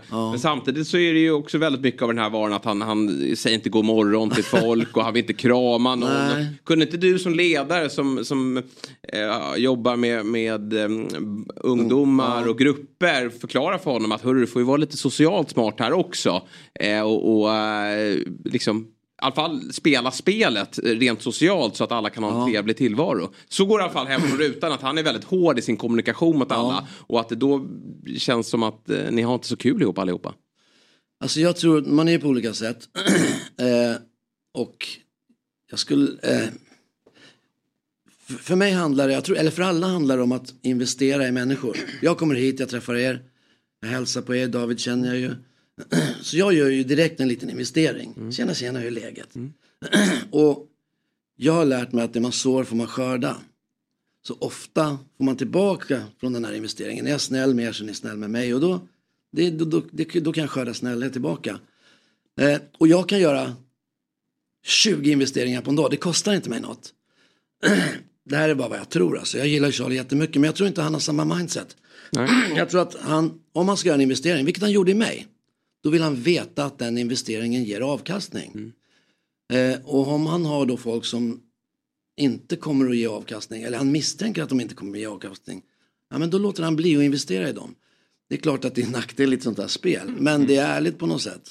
Så jag tror att det är det som är hans grej. Ja. Jesper nämner att det är en kvart per dag, något sånt där. Vad upplever du? Och så en kvart per dag. Eh, Förlåt, som syns i rutan. Av det, av det livet ni har på ön så är det väldigt lite som vi får ta del av. Ja, just exakt. Ja. Vad, vad upplevde du? Vad, vad- vad är det vi missar? Vad är det största glappet som klipps bort? Framförallt är det ju kvällarna. När kamerorna inte är med och vi sitter vid brasan och pratar. Där missar man mycket, för där pratas det mycket fint och mycket bra. Eh, och där, hade man sett det så hade man sett en annan sida av Charlie faktiskt. För han är på riktigt en fin kille. Eh, men eh, hård också. Det, eh, hur, hur är det att hantera tristessen? Alltså, jag, eh, det är väl det som har slagit mig mest när man ser den här, eh, eller kommer nära. Att, visst, hantera hunger, ja, men det kan man göra, vet så, det är bara att bita ihop någonstans. Men de här lång, alltså långa dagarna, långa nätterna på, på stränderna. Hur, hur är de att Nätterna, nätterna funkar för mig för jag är svart bälte i att sova. Mm. Jag kan ju sova, det är jävligt obekvämt att sova på hård sand, det är det ju. Men det, det funkar och jag kan ligga och fantisera och drömma och sådär. Eh, och som sagt jag kan planera så här fotbollsturnering i huvudet eller planera en middag med Annika eller en liten semester. Så jag, jag ligger och fantiserar mycket, planerar mycket och, och sen så har jag också en närhet till Gud som jag ser det. Så jag kan ju kommunicera med Gud då. Eh, Men tristessen den är påträngande. Eller liksom den är Den påverkar en mycket. Det är tråkigt. Och ibland kan man känna så här, fan man känner sig fängslad. Jag, jag kan gå 100 meter dit på ön och 200 meter åt andra hållet. Men det, så jag gick och samlade ved som satan, det var min grej liksom. Och så jag kunde hitta så här, du vet, och där, den där vedbiten, den ska jag ta imorgon. Den ligger jävligt krångligt till. Men den, du vet, har ni läst eh, Gulagarkipelagen av eh, Solzhenitsyn när han är uppe i Ryssland. Och där är det kallt som satan, vi hade det varmt. Nej, men då hittar han en murslev som han varje dag hit, liksom tar upp och jobbar med. Och så gömmer för de andra, för den är fin och bra. Och man får hitta sådana små grejer. Så att liksom, ja men det här är ett bra vedställe. Och sen så, ja men sådana där saker. Och så går man och letar mat förstås. Fast det är ju, det är svårt för det finns inte mycket mat. Och så vi sådär funderar på hur får man ner kokosnötter. För jag och i början när vi var där då. Så fick vi hitta någon sån här stör för att få ner kokosnötterna. Då, då fixar man en mecka med det. Men det är mycket långtråkigt är det. Det känns ändå som att ni har tillgång till ganska mycket kokosnötter. Men eh, tröttnar man på det eller ger det inte så mycket att, att äta det konstant? Man tröttnar ja, fan. det är så. Alltså jag, jag, förra året så vi lagade aldrig kokosnötter. Eller för- förra säsongen. Så när jag kom till lag syd, fan fan har steker sina kokosnötter. Det var... Utveckling. ja, det var en utveckling. Så det var ju lite bättre då. Du är ju för detta kustjägare. Ja. Finns det någonting du kan ta med därifrån in till att liksom eh, när man kommer ut i, i sånt här Ja. där det inte finns någonting? Ja, jag är en ADHD-personlighet, utredd och klar. Eh, och, ja, ja, jag misstänkte det. Nej, men, och, och har lätt ko- kort stubin och liksom kort, taskigt tålamod och sådär. Men kustjägaren lär- lärde mig att det, det är bara att bortse från ditt korta jävla tålamod. Och som du säger, visa pannben eller bita ihop. Så det lärde jag mig verkligen där. Eh, saker och ting kommer göra ont, det kommer vara jobbigt, du kommer frysa, du kommer vara hungrig. Ja, det kommer rent ut sagt vara för jävligt. Men du kommer inte att dö, du kommer att klara det. Och så hade jag några, några gånger, speciellt när man ligger på stranden och just har det tråkigt. Det här, det här, den här tråkiga grejen kommer att gå över. Det kommer en tävling. Det kommer, det kommer moment snart som är kul. Så ja, jag hade nytta av det, det kan jag verkligen säga. Ska, eh, Ja. ska jag berätta första mötet? Eh, vi var på Langkawi. Kom jag till en tävling och det är så här lite, ja men det är lite stressigt och det är i början och sådär. Man känner inte deltagarna och det tar ett tag. Liksom, man, man måste ju som komma in i ett fotbollslag, man närmar sig liksom folk på olika sätt sådär. Herr Lilja. Kommer man glider så får man det här. Har du lekledaren, kom hit. Aldrig träffat honom. Och sen, jag bara, vad är det här för människa? Och sen så direkt så var det så här, det här, det här, det här måste du fixa. Du vet, jag bara, lugn. Du pratar med helt fel människa med den där tonen. Och det där är ingenting jag ska fixa åt dig. Så man bara gick därifrån. Och då var man så här, jävla lekledare alltså. Sen sa jag till dig, sluta. Ja. Nej men det, jag säger att man börjar med att investera i folk, med dig börjar jag göra uttag så jag fick investera hårt efterhand. Ja, det jag var i helvete för galning. Så såg du Bajenbyxorna? Ja, ja Bajenbyxorna. Nej, jag, nej, det var faktiskt exakt det jag gick och jag bara, det är en bajare där borta som är fullständigt aldrig galen. göra något för den där jävla idioten. Ja, det är helt enormt alltså. Ja. Det var roligt. Men, det, men jag noterar också att det byggs ju likt ett fotbollslag sådär. Att man kommer nära några. Eh, Från förra årets säsong så verkar Ja. du och eh, Alexander. Ja. Om ni kommer ihåg en väldigt eh, stor eh, muskulös kille. Just Med Hammarby-tatuering. Med Hammarbyare också. Just, Ja. ja. Ja, Som bor i Ni- Halmstad va? Ja, han bor i Ja, Halmstad, precis. Ni verkar ha kommit nära, eller hur? Ja, på riktigt jättenära. Han var hemma hos, han var ju uppe på socionomdagarna med sin fru. De jobbar ju med, med boenden för behövande och skyddat boende och, och sådär och de är terapeuter. Så de var uppe på socionomdagarna. Och då följde jag med en dag på socionomdagarna på min skola, Myrsjöskolan där jag jobbar. Tyckte att ja, men det, det är bra. Eh, så då, han sov hemma hos mig, vi var ute och käkade och hans fru sov hos oss också och de hade någon anställd där. Och vi spelade spel och hade skitmysigt liksom. Och, eh, nu när det har varit lite turbulent och, och jag blev lite irriterad över om det som sker sådär. Så jag ringer honom direkt. Han bara, Lilja ta det lugnt. Mm. Han har ju den här, han har ju den, liksom den här terapeutrösten. Mm. Det kommer lösa sig Lilja. Mm. Vi fixar det här tillsammans. Nej, han är sjukt fin alltså. Och jag tänker det måste vara en, den andra sidan utav det här. Man drar iväg och så man har ju sett att det verkar vara folk som får vänner för livet. Ja, alltså ja. att det som händer där är så starkt. Det, jag vet själv när man lämnar och varit iväg och jobbat och då har jag ändå tillgång till yttre världen. alltså vet så här, vad som Ja. händer och alltihopa. Men vi blir ganska tajta i Ja, för, att man, för att man är och jobbar så tätt ihop. Men ni blir ännu tajtare. Så Ja. det är ju många timmar som ni Ja. sitter och pratar med varandra och, och liksom. Och så är det verkligen, för, från förra året, då, Sofia till exempel, vi var inte så kompisar där. Men i och med att vi delar den erfarenheten, vi var på samma ställe, vi har suttit vid samma lägereld, så kommunicerar vi idag på ett jävligt trevligt sätt liksom. Mm. För vi har den referensen tillsammans. Och det är även som, jag menar, jag tillbr- tillbr- tillbringade, kunde vara en till två veckor med Patrik i gränslandet. Och det tycker man ju ingenting. Men vad fan, det var ju liksom dygnet runt hela tiden. Vi hann ventilera jättemycket. Så faktiskt, han och jag hänger också lite. Folk får ju vänner för livet om man är på semester en vecka. Ja. Så det är inte konstigt. ja. Mm. Men eh, vi hade generalsekreteraren här tidigare Ja. som är triatlet. Och det, det känns också som en sån grej att det känns som att det är svårt att sluta med. Nu har du varit där två gånger och man har ju sett folk bli Robinson, Jossan för kortare tid än så. Ja. Är det svårt att, tror du att det kommer bli svårt att släppa det här? Kommer det här vara en stor del av det? Kommer du åka en tredje gång? Hur känner du? Vad har du för relation till Robinson? Alltså jag, Robinson har varit nice. Det, jag, kom, jag, jag gillar att vara Robinson-Pelle. Men eh, jag hoppas ju att det dyker upp andra grejer som jag kan få vara med på. Jag vill ju till exempel, jag tror jag skulle vara världens bästa programledare i Wild Kids. Jag menar jag jobbar på plugget, jag kan vara kustjägare, jag med Robinson. Jag skulle kunna hosta Wild Kids kanon. Jag är bättre än hon Linda, vad hon nu heter. Bonde söker någonting fru. Jag har ingen aning vem det är. Det roliga, Lindorff. Ja, Lindorff, Ja, ja, ja. Det roliga är ju att vi har ju, eh, vad jag förstår eh, så är det några före detta Robinson-deltagare som då har tänkt att de ska bli programledare året efter. Ja, I Robinson? I Robinson. Just det. Ja. Men det finns ingen annan än jag som skulle kunna axla det. Nej, jag, jag kan säga att det är fler som tycker att de kan axla det. Det är sant. Ja, ja. Ge mig namnen. Jag ska uttala mig om det. Ja, jag tycker, ja men det, det, det, vi kör, det, ja vad fan man ska ju sikta högt. Ja, ja. ja det är ingen snack om sånt. Ja. Hörru du, eh, du har fått börja två SM-guld med Hammarby. Det är ju 01 är det va? 01, samma år som han, Annika gifte oss då. Ja. Ja. Och sen så är det i år. Ja. Ehm, hur... Eh, Jag tänker att nästa år ska vara om 22 år ja, igen. exakt. Nej men jag tänkte mer hur är, hur är, eh, alltså hur är det för er att fira? Alltså, det, för, alltså, så här, det, är inte, det är inte drygt men det blir ju väldigt så här på Söder, Ja. medis, alltihopa som händer. V- vad är det för firande ni rattar igång? Alltså vad är, det- vad är det som händer? Alltså jag... Man blir kanske larvigt euforisk över liksom att äntligen få vinna. Eh, jag kommer ihåg förra gången när Bayern vann, då, då, då jobbade jag och jag var tvungen, liksom, Nicke var liten och Olle var liten, liten.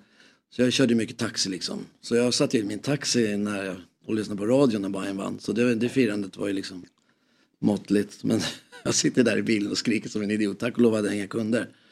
Eh, och sen så får man ju hitta folk att fira med på kvällen. Men, men tänk den julafton upphöjt i 7-8. Mm. så är det ju.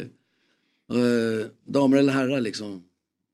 Men är det... Du är ju den gamla sortens bajare. Som jag är liksom uppvuxen med ett Hammarby som inte ska vara något lag som utmanar. Utan det är skit i tabellen, Bayern är bäst ändå och klappmarkar. Nu har ju Bayern professionaliserats eh, enormt och är ju verkligen ett utmanarlag. Och då, då höjs ju även kraven. Var befinner du dig? Liksom, vad, hur viktigt är det för dig att Hammarby vinner? Kontra att nej, det, är en, det ska vara klacksparkar och, och kul. Sen får vi se hur, det- hur det slutar. Alltså jag, jag, jag vill jättegärna att Hammarby vinner. Men jag är på Tottenham också som sagt var. Ja. Och då, då fattar ni hur, hur lätt man har det. Det- Det är varje år så här. Man ser truppen. Man sig tränaren och så bara, fan det här kommer bli bra, nu jävlar, fan i år kan vi ta det här. Nej, nej men, men, men det, nästa år, då, då jävlar. Så man är ju van att förlora. Eh, I någon mån. Eh, nej, jag, jag, vill, jag vill vinna. Jag, ska, jag, ska, jag, jag är inte en av de här som, som vill att vi bara ska klacksparka. Det är klart det är kul med klacksparkar men det får inte vara på bekostnad av att det blir själv eller baklängesmål. Liksom. Nej. Jag kommer ihåg finalen 82 mot Göteborg, dubbelfinalen. Vi ledde efter första. Tänkte man nu jävlar. Nu är det dags. Ja, så blev det lite för mycket klackar och så skit. Men eh, där kommer jag ihåg dagen efter i tidningarna så var ju eh, folk helt chockade över stämningen på läktaren på Söderstad. Ja. Eh, med, med trummor och, Ja, ja, och ja. sång och sådär. Ja. Och efter det så var, kommer jag ihåg att träffa någon någon eh, pappa, gammal? ja jag fick lite äldre än vad de är. Eh, som säger det, så, ja men ni förlorade. Så, ja nej, fast vi har ju satt Hammarby på kartan. Alltså, det, där, det var andra värden som var mycket viktigare. Ja. Och, eh, ja. Och då kan man undra så här, tar man till de andra värdena för att man förlorar eller liksom är det de man tycker är bra? Det är någon kombo. Jag skulle säga i ert fall så är det bara för att ni förlorar. eh, du Ja. Pelle, eh, tusen tack för att du kom förbi. Jättestort Eh, vi tack ska följa din resa Ja. med stort intresse. Det är ju precis släppt en ny vecka nu med Otrolig vecka. Jag betade av alla fyra igår. Ja, Det gick inte. ja, det gjorde jag också. Men Ja, jag vet inte hur jag. de här som tittar har, har gjort. Nej, jag vet, så vi kan det inte finns säga för mycket. nej, så, Men det finns ju mycket den här veckan. Nej, men jag- ja. Har du Vi- har sett det? För du vinner allting nämligen. Vad sa du? Du vinner en halv miljon nämligen. Ja. Det är det. Du ser när du kommer hem sen. Ja, eller hur? Nej, men bara kort. Min fru brukar se på morgnarna innan hon väcker mig. Och, så ibland, och då är det så här, hur bra har jag varit? I, idag kom hon in och sa, fan Pelle du var jättefin idag. Och igår så var det så här, vad fan var du tvungen att säga det där för? så man får ju vakna på olika sätt. Du kollar inte själv på dem eller? Jo, jo, jag Ja, kollar. Ja. Men inte tidigt på morgonen. Nej. Hon vill ju bara kolla så att hon behöver stå till svars Ja, på, på jobbet. Ja, vad fan har han sagt nu? Ja, vi jobbar på samma plugg dessutom. Ja, ja, åh, stackarn. Ja, äh, bragdgulds, eh, ska skicka in bragdguldet till henne. Händer, ja. Nominera åtminstone. Du, eh, tusen tack. Jättetack. Eh, jag får passa Tack så på att det Skittrevligt. hälsa Alexander Ja. och Emil Frid om du pratar med honom. Ja, det ska jag göra. Kul. Ja, visst är det. Ja. Eh, så tusen tack. Tack. Eh, vi kanske, om det hänger kvar så kanske vi hinner prata om veckan här utanför. Ja. Nu är det alldeles strax eh, dags för en eh, ny gäst. Men innan det tänkte jag bara, som vi lovade igår, om vi minns. Det var ju att Jesper skulle få eh, något sätt bara så här. vad var grejen från England? Från helgen? Alltså vad Mhm. sticker ut nu när du tänker på det? Ja, nej, men det var väl matchen såklart som, som avslutade hela omgången. Det var ju en otroligt underhållande match på Stamford Bridge där båda lagen bjöd upp till det. Det är ju så här när, när City kommer på besök. Det, går väl, det är ju två sätt att angripa en sån match. Antingen så ställer man sig lågt och, och hoppas bara att det, det att man löser det, att man fredar boxen och att Haaland inte har sin dag. Mm. Eller så går man upp aggressivt och, och försöker jaga skiten ur dem och se till att de kommer i rytm och inte får kontroll på matchen. Och, och Chelsea gjorde det, det sistnämnda och eh, de gjorde det med bravur. Så det, det är två väldigt skickliga lag eh, som eh, verkligen bjöd upp till dans. Det kan ju vara den där typen av tillställningar också så blir det inte målchanser. Eh, och ibland kan det bli målchanser så blir det inga mål. Eh, här fick vi ju liksom 4-4. Så att det var mm, nej, årets definitivt bästa match. En, en av de roligare matcher man sett från Premier League måste jag säga. Mm. Just för att eh, det svängde så mycket och, och eh, det var ju fint tycker jag att det blev ett eh, 4-4 mål. För det, det, det var fullt rättvist. Det jag känner lite grann, eh, dels var en rolig match men äntligen så slapp man det här taktiska, du vet när man ska stå, Mm. när två storlag möts så har det blivit ganska mycket att de ställer nästan upp och så blir det lågt tempo och så blir det så oerhört mycket liksom så här, ja, men vi flyttar lite grann dit så kanske, ah, det, det smäller inte på som man en gång gillade mer den engelska fotbollen med flytet, det böljar fram och tillbaka under tid, delar av den här matchen kände man att det är okontrollerat. Det, är, det här är gatu, det är en gatufotboll mer fast det är en finare skrud. Alltså verkligen så här, vi får bollen då kör man. Mm. Men, City hade ju tre mot två lägen och kunde liksom göra mål.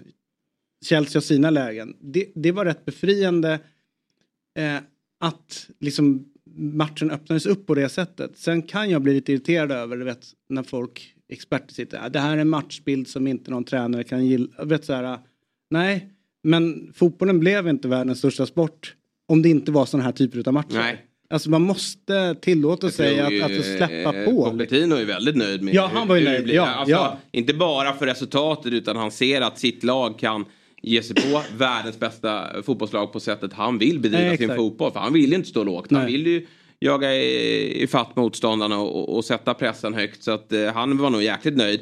Jag tror Pep är nöjd med delar av matchen också men, men eh, han var nog väldigt imponerad av, av motståndarna här. Det nu blir det kul att de- att det blir City-Liverpool i nästa. Ja. För vi får se om Liverpool, eh, Gör gör sen, det. ja. Eh, De, de Med det mittfältet de har. Ja men exakt. Det som är också ska man säga att det eh, jag skulle kunna ta taken att nu är vi tillbaka som Chelsea och att vi är där.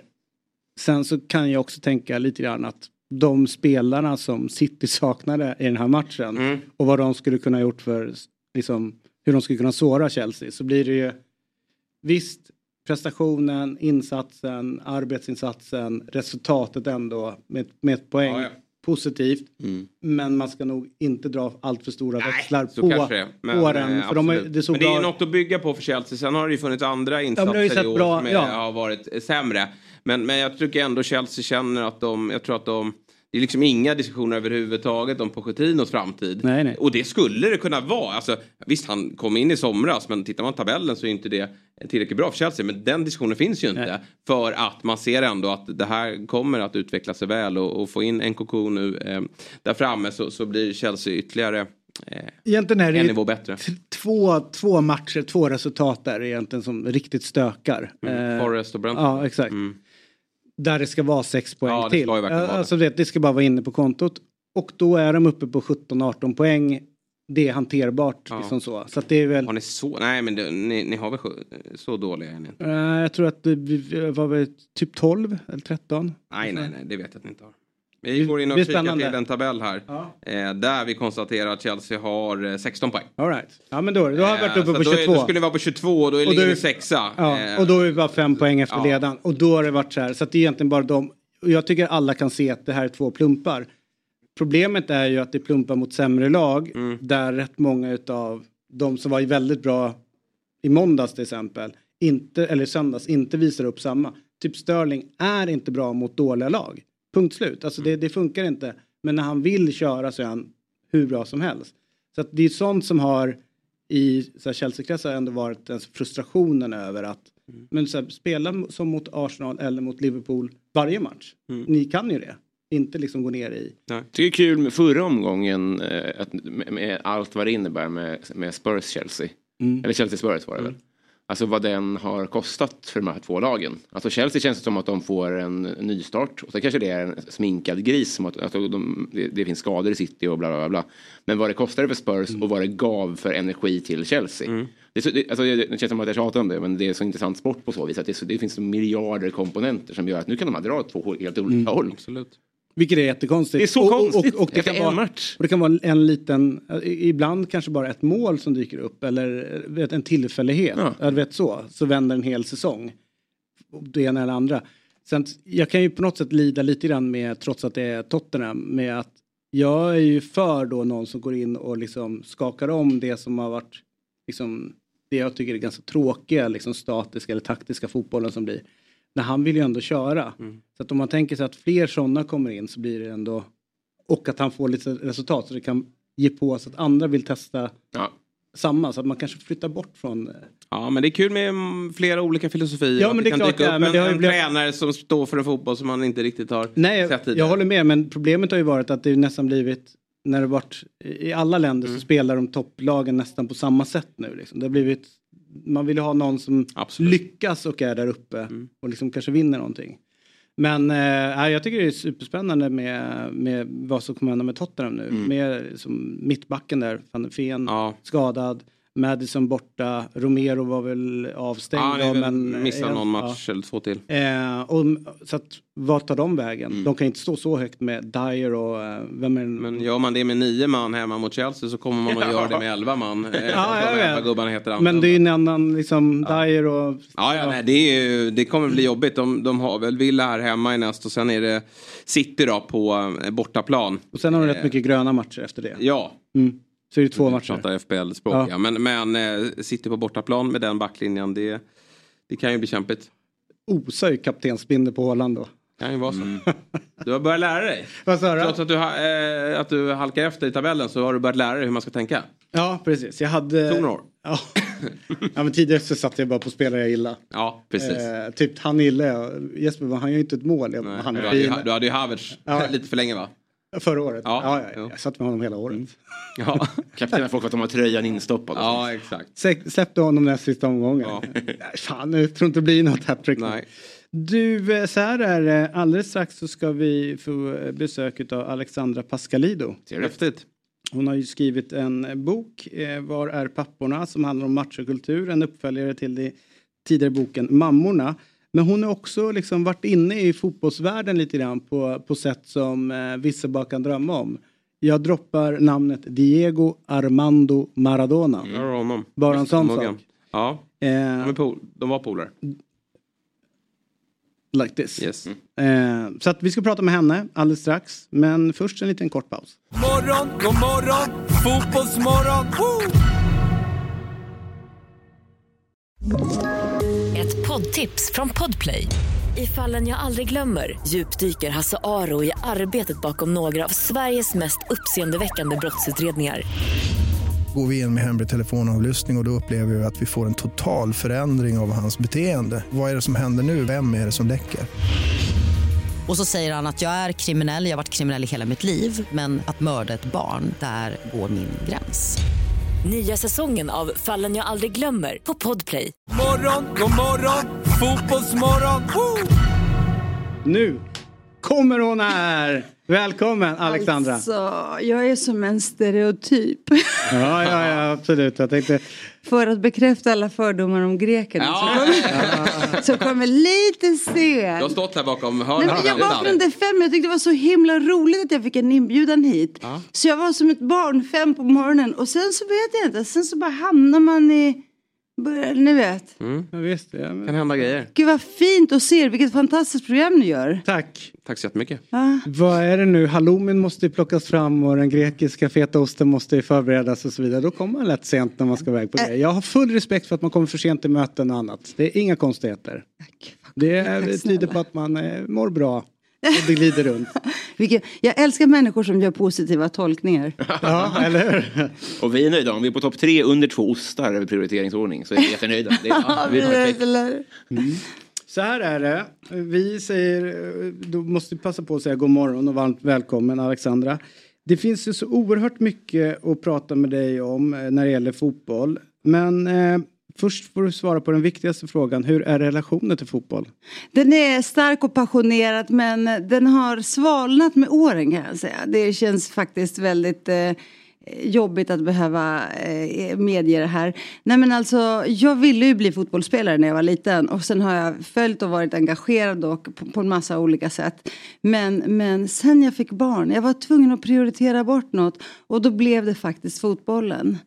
Eh, så, har Fick du barn innan 2004 eller efter? Snälla. Tj- 2000, man kan inte få barn när 2004 för 2004 var det magiska året. Ja. Jag var programledare för OS i Aten för Sveriges Television. Sen vet ni vad som hände den sommaren, den stora skrällen när gudarna spelade fotboll. Mm. Eller hur? Och, eh, och, och sen kom barnet. Ja, ja men snyggt. 2006. Så Ja, att, ja, men då så, vad bra. Då man tog fick du det inte barn om ordning. man gjorde barn. och Ja, snarare. precis. Det var Precis. jävla många som föddes där. Början 2005. Vad minns du från den eh, sommaren då? Det låter som en helt fantastisk sommar för dig då. Med Nej, tanke men på alltså- att det dels var att, eh, de olympiska spelen och EM-guldet. Ja, nej, men jag måste liksom tacka SVT Sporten för att jag var där hela sommaren och förberedde en massa saker. Och råkade då vara i Grekland hela den sommaren där vi, vad, vad ska jag säga, det var liksom en konstant eufori på gatorna. Och det var liksom gamla tanter som hade klättrat på lyktstolpar fyra på morgonen och vajade med flaggor. Och man sjöng och det var liksom, nej men det var folkfest överallt. Det var helt overkligt. Och det var liksom en sån triumf. Och det var så här, live your myth in Greece. Alltså Grekland har ju aldrig varit så på topp som just då. Nej. Och jag är ju kompis med Karagunis och Zagorakis och alla de här som, som spelade då. Vi bor ju också grannar i Aten. Och det är väldigt roligt att se för grekerna glömmer inte. Nej. Så att eh, jag var programledare för Eurovision Song Contest enda gången Grekland vann och jag har fått äta gratis sen dess. Var det Elena Paparizou Ja, Helena Paparizou som sjöng. Hon får ju äta gratis tills liksom efter döden tror jag. Men, men jag fick göra det för de sa så här, din röst är segerns röst. Men de här fotbollsspelarna, jag tror att de aldrig någonsin har behövt betala någonting. Nej. efter, efter den skrällsegen, liksom den här triumfen i Europa som givetvis aldrig kommer upprepas. Nej, och det är väl också någonstans fint att det inte kommer göra det. Utan det, var, det var den sommaren. Och det är lite det som med, den. för oss då med, med VM 94. De Ja. vann ju inte men tog brons. Exakt. Och, och då kan jag tänka mig att det, Det roliga, det är. det roliga med den här första matchen då, Portugal-Grekland. Ganska tråkig öppningsmatch i EM. Och alla var så ja ja. Och sen att ingen, det fanns ingen som trodde att det här är finalen. Exakt. De, det är ju så Exakt. oerhört sjukt alltihopa. Hörru du, Men det 20 var just det som gjorde det hela mytologiskt Mm. och dramaturgiskt så starkt. Du, låt oss backa bandet då återigen till eh, året efter. Det är 2005. Eh, vi är i Grekland. Du arbetar för eh, Sveriges Television. Och du lyck- 2005 jobbade jag för grekisk television. All right. faktiskt. Men du lyckas lö- lö- lösa en intervju med Diego Armando Maradona. Ja, och det är det mest mytologiska jag har gjort kan jag säga. Det kommer Ja. jag nu vet, minnas tills jag dör. Nej men alltså jag låg faktiskt på en, eh, under en palm på Mauritius när någon ringde och sa vet du vem som kommer till Grekland? Det är en idol. För jag, vi stod liksom och Eh, vi stod där i Rinkeby och spelade fotboll med apelsiner.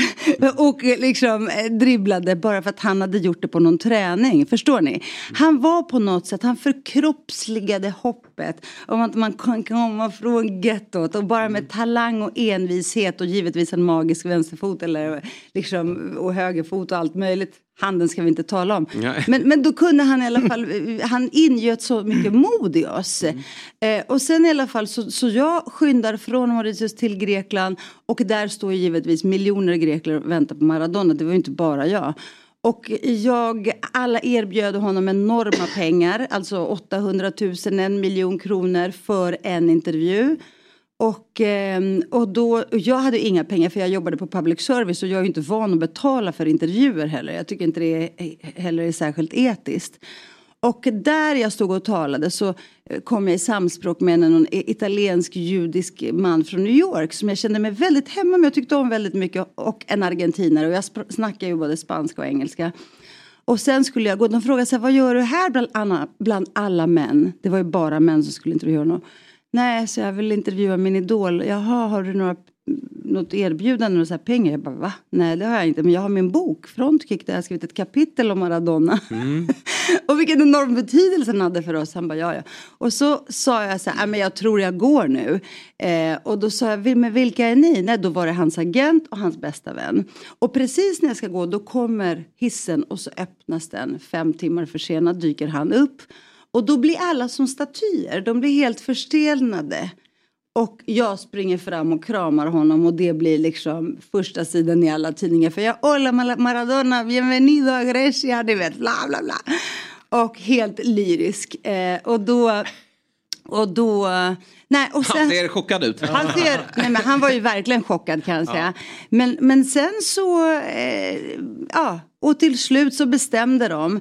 För jag sa, det var så synd, får man, får man svära i det här programmet? Ja, ja, Nej men jag sa till dem här, för de ringde mig, då sa jag så här, vad synd att se att min stora idol har blivit historiens hora. Mm. Att han säljs på basarer och går till en högstsäljande på något sätt. Eh, och jag hade ju helt andra tankar med den här intervjun. Så i sista sekund så ringde de och sa om du kan fixa ett team för grekiska public service så får du intervjun. Så jag kommer dit med en tekniker och en kameraman som gråter när de filmar. För de var så här, nej men de var helt tagna. Och sen så gjorde jag den här intervjun i sista sekund. På engelska, han höll på att somna. Han gick igenom en jättesvår diet. Eller svår diet, han hade precis gjort en eh, i mag... Jesse Ripe. Ja, precis så heter det. Eh, och och eh, var på jättehård diet, han hade slutat knarka. Well, ja. eh, och, ehm, och var inte på så bra humör. Och satt och gäspade när jag snackade engelska. Så när jag växlade till spanska gick det lite bättre. Men efter intervjun då bad han mig om en stor chokladtårta. chokladmousse utan så mycket tuggmotstånd. Och då fixade jag det. Var han inte på diet? Jo, men då trodde jag så att han ville ha något mjukt, något gott lite Ja, grann. ja. Men det var så himla roligt. För då kommer världens finaste chokladmousse-tårta från Hotell Grand Bretagne. Kommer upp och så tar han en sked och så käkar han upp hela tårtan. Nej, det var helt otroligt. Men hur som helst, det där är bagateller. Ja. Eh, han har ändå liksom eh, adderat så fruktansvärt mycket till så många människors liv. Även de som kanske inte är, är liksom specifikt eh, eh, intresserade av just fotboll. Liksom vad som händer i det här gröna fältets schack. Ni vet. Du, eh, vilka fler eh, fotbollsspelare känner du? Många. Zlatan eller? Ja, nej men Zlatan stötte jag på häromdagen faktiskt. Så det roliga med Zlatan är att han alltid när han träffar mig så pratar han grekiska med mig. Det är alltså en polyglott vi snackar om. Han är en väldigt klok människa. Nej, men, jag, ja. men, men, nej, men jag känner många och jag tycker det är fantastiskt. Och om jag hade fötts som man Hade du varit fotbollsproffs? då hade jag varit fotboll. Men det säger 100%. alla. Ja, nej. Alla säger om de inte hade skadat knät. Ja, inte skadat Men det kanske är knät. motsvarande. Precis, precis. Men, men det, har, det har alltid, och jag har angett det också som min stora dröm i, i tidigare intervjuer. Att det är den ultimata drömmen, den optimala karriären är att vara fotbollsproffs. Du har ju träffat den största här då, i form av Maradona. Hur, hur högt håller du Zlatan då? men blir, blir du Zlatan- starstruck när du träffar honom? Alltså, nej men jag blir inte starstruck, jag har träffat honom genom åren. Liksom. Ja. Jag har sett honom utvecklas men jag är otroligt och obarmhärtigt stolt över att vara svensk. När man liksom kommer ut i världen och, och alla älskar Zlatan. Och jag tycker också att han är en gigant och han har gjort så fruktansvärt mycket eh, för fotbollen och för förortsfolket och oss blattar och så vidare. Så att jag tror att han har gjort väldigt, väldigt mycket gott. Och jag tycker också att han har vidgat nålsögat. Han har gjort det lättare att vara, ni vet, lite kaxig och sticka ut hakan och så vidare. Men varför kan han grekiska? Nej, men han kan grekiska. Han hade bland annat Majstorovic, som var kompis Mm. när Majstorovic spelade i AIK Aten. Och eh, då var han mycket i Grekland. Men det, det är också så här, i Rosengård där han växte upp, i Rinkeby där jag, jag snackar jugoslaviska med honom, det heter inte ens jugoslaviska längre. Men jag säger zdravo, kakos, dobro. Eh, Där vi växte upp, det är ju väldigt, väldigt mångspråkiga, Mm. mångkulturella områden. Och för att visa respekt för varandra och någon slags aktning och kärlek så använder man varandras språk. Så det är bara en sån rolig grej att visa någon slags... Förväntar mig att du lär Tigrinja nästa gång. Till Tigrinja såklart, men Tigrinja suger. Men lite amarinja kan jag bjuda på. Nej, nej, det fattar Kan inte du jag. det då? Sa du? Tigrinja. Det är väl skitsamma, jag kan det.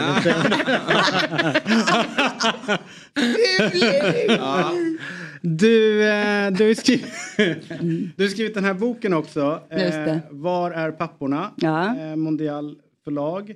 Det är en uppföljare till eh, din eh, tidigare bok då, var det mam- eller Mammorna. Eh, det finns ju eh, många då som eh, säger att fotbollskulturen förknippas just med machokultur. Eh, kan, kan man dra några paralleller mellan boken och, eh, och fotbollen? Absolut. Nej, men alltså för det första så eh, har väldigt många av de här frånvarande papporna spelat fotboll. Minsta gemensamma nämnaren. Jag tror att de flesta killar har hyst fotbollsdrömmar och spelat. Men, men det är ju så här att, och jag har också gjort program tidigare om huliganismen, om toxisk eller destruktiv maskulinitet. Och vi vet ju att den frodas där eh, i sammanhang i, där män i grupp kan liksom ha mansnormer, hysa mansnormer som inte är särskilt vettiga. Och jag är helt övertygad om att det här är någonting ni känner till inifrån mycket, mycket väl och säkert har avhandlat i det här programmet. Så det är inte bara de här liksom brutala, våldsamma huliganerna eh, som, man också, som också nämns i boken faktiskt. Därför att det är väldigt sällan så man i den offentliga debatten kulturaliserar detta. Så fort det är en, några killar med till exempel invandrarbakgrund, om de begår brott då börjar man snacka om så här, det är kanske för att de är från Eritrea eller de är invandrare och så vidare. Etiopien. Etiopien är inte sådana saker. Va? Ja, exakt, exakt, exakt. Nej, men ni förstår vad jag menar, invandrare. Men det här fotbollsvåldet, det är på något sätt ändå accepterat. Man vet, ja det förekommer och man håller inte på att analysera det. Och det är egentligen en maskulinitetsnorm som är liksom helt destruktiv och som vi måste brytas. Samtidigt som jag tycker att den vackraste manligheten också finns på fotbollsplan.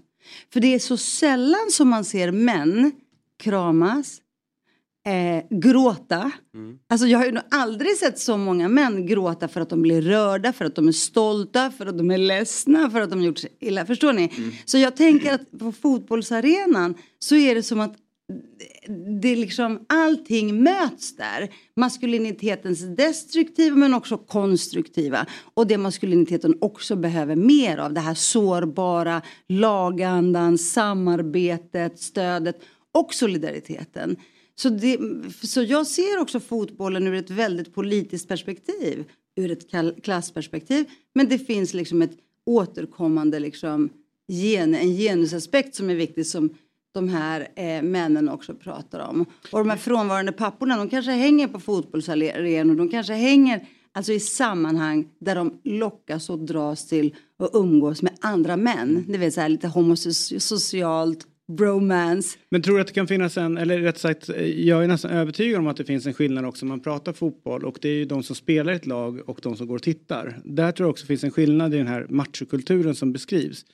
Eh, jag har aldrig upplevt eh, en så icke-machokultur som det är i vissa fotbollslag. Den, den är inte där utan det är snarare att man bryr sig inte om folks bakgrund eller eh, sexuell läggning eller religion, vad som helst. Utan man är där för att spela liksom, man tar hand om varandra. Alltså, om, om vi som lag blir bättre så kommer vi vinna mera. Så att det, det är verkligen att man får reda på allt om någon skilsmässa, någon som mår dåligt eller alltihopa liksom är i omklädningsrummet. Man har koll på det. Man hjälper varandra. Det tycker jag är liksom, det är väldigt lite utav det som folk säger och hur man säger att det är ett omklädningsrum. Jag, jag ser inte det riktigt. Men däremot på läktarna så är det en machokultur Ja. som är mer tydlig. Eh, och där Det- tror jag att den diskussionen tycker jag är ganska viktig att göra. Det är så vackert det du säger och det där tror jag att man måste lyfta fram ännu mer och, och också betona, odla kanske ännu mer. Men glöm inte heller locker room talk. Det är inte för intet som det uttrycket finns. Alltså det Absolut, som så är sägs det. i omklädningsrummen och den här sexismen eller misogynin eller någonting. Så jag tror liksom allting finns där och jag tror att de bästa förebilderna egentligen och föredömen som kan bryta det här. Eh, men ni vet den här machokulturen. Det är just fotbollsspelarna för att de går hem hos massorna. De går inte bara hem hos männen, de går också hem hos kvinnor. Förstår ni? Vi tycker också att, så att jag tycker att det är fantastiskt när, när de står även på läktarna och gråter och storgråter eh, som, som barn eh, för att deras lag har förlorat eller någon spelare har gjort sig illa eller vad det nu kan vara. Jag, jag är ingen personlig så här superlobbyist för läktarkulturen. I, i, alltså jag tycker det är nice men jag tycker inte det är till vilket pris som helst. Liksom. Men jag undrar om vi har en, eh, en arena som är proppad med 40 000 människor. Alla har investerat känslor i den här matchen. 70 procent av dem har druckit alkohol. Eh, De har eh, hejat på ett lag som de har gjort i tredje generation. Är det inte bara en logisk konsekvens att det bubblar över? Alltså är det inte, händer det nästan lite skit på läktarna sett till vad som egentligen står på spel? Med tanke på att det var tre miljoner, över tre miljoner besök tror jag va? På allsvenskan i år. Ja, låt mig Eh, och det är så oerhört få som egentligen, alltså vet, så här, relationen till hur många som går, eh, utan att det är ett problem, det finns ett problem Ja. runt sven- svensk fotboll, låt oss vara ärliga med det. Men hur stort är, Är det mindre än utanför läktaren? Ja, men jag skulle säga att det- 90-talet så var det större problem, det var ju färre som gick, men problemen var ju... Ja, lik- alltså, vet, så här, proportionell- ja, så det är Ja. bättre idag än vad det var då. Ja. Men liksom så här, Men, men det jag inte kan förstå, alltså jag förstår besvikelsen, jag förstår liksom den här djupa olycka, olyckliga känslan när ditt lag förlorar. Men det är inte på liv och död.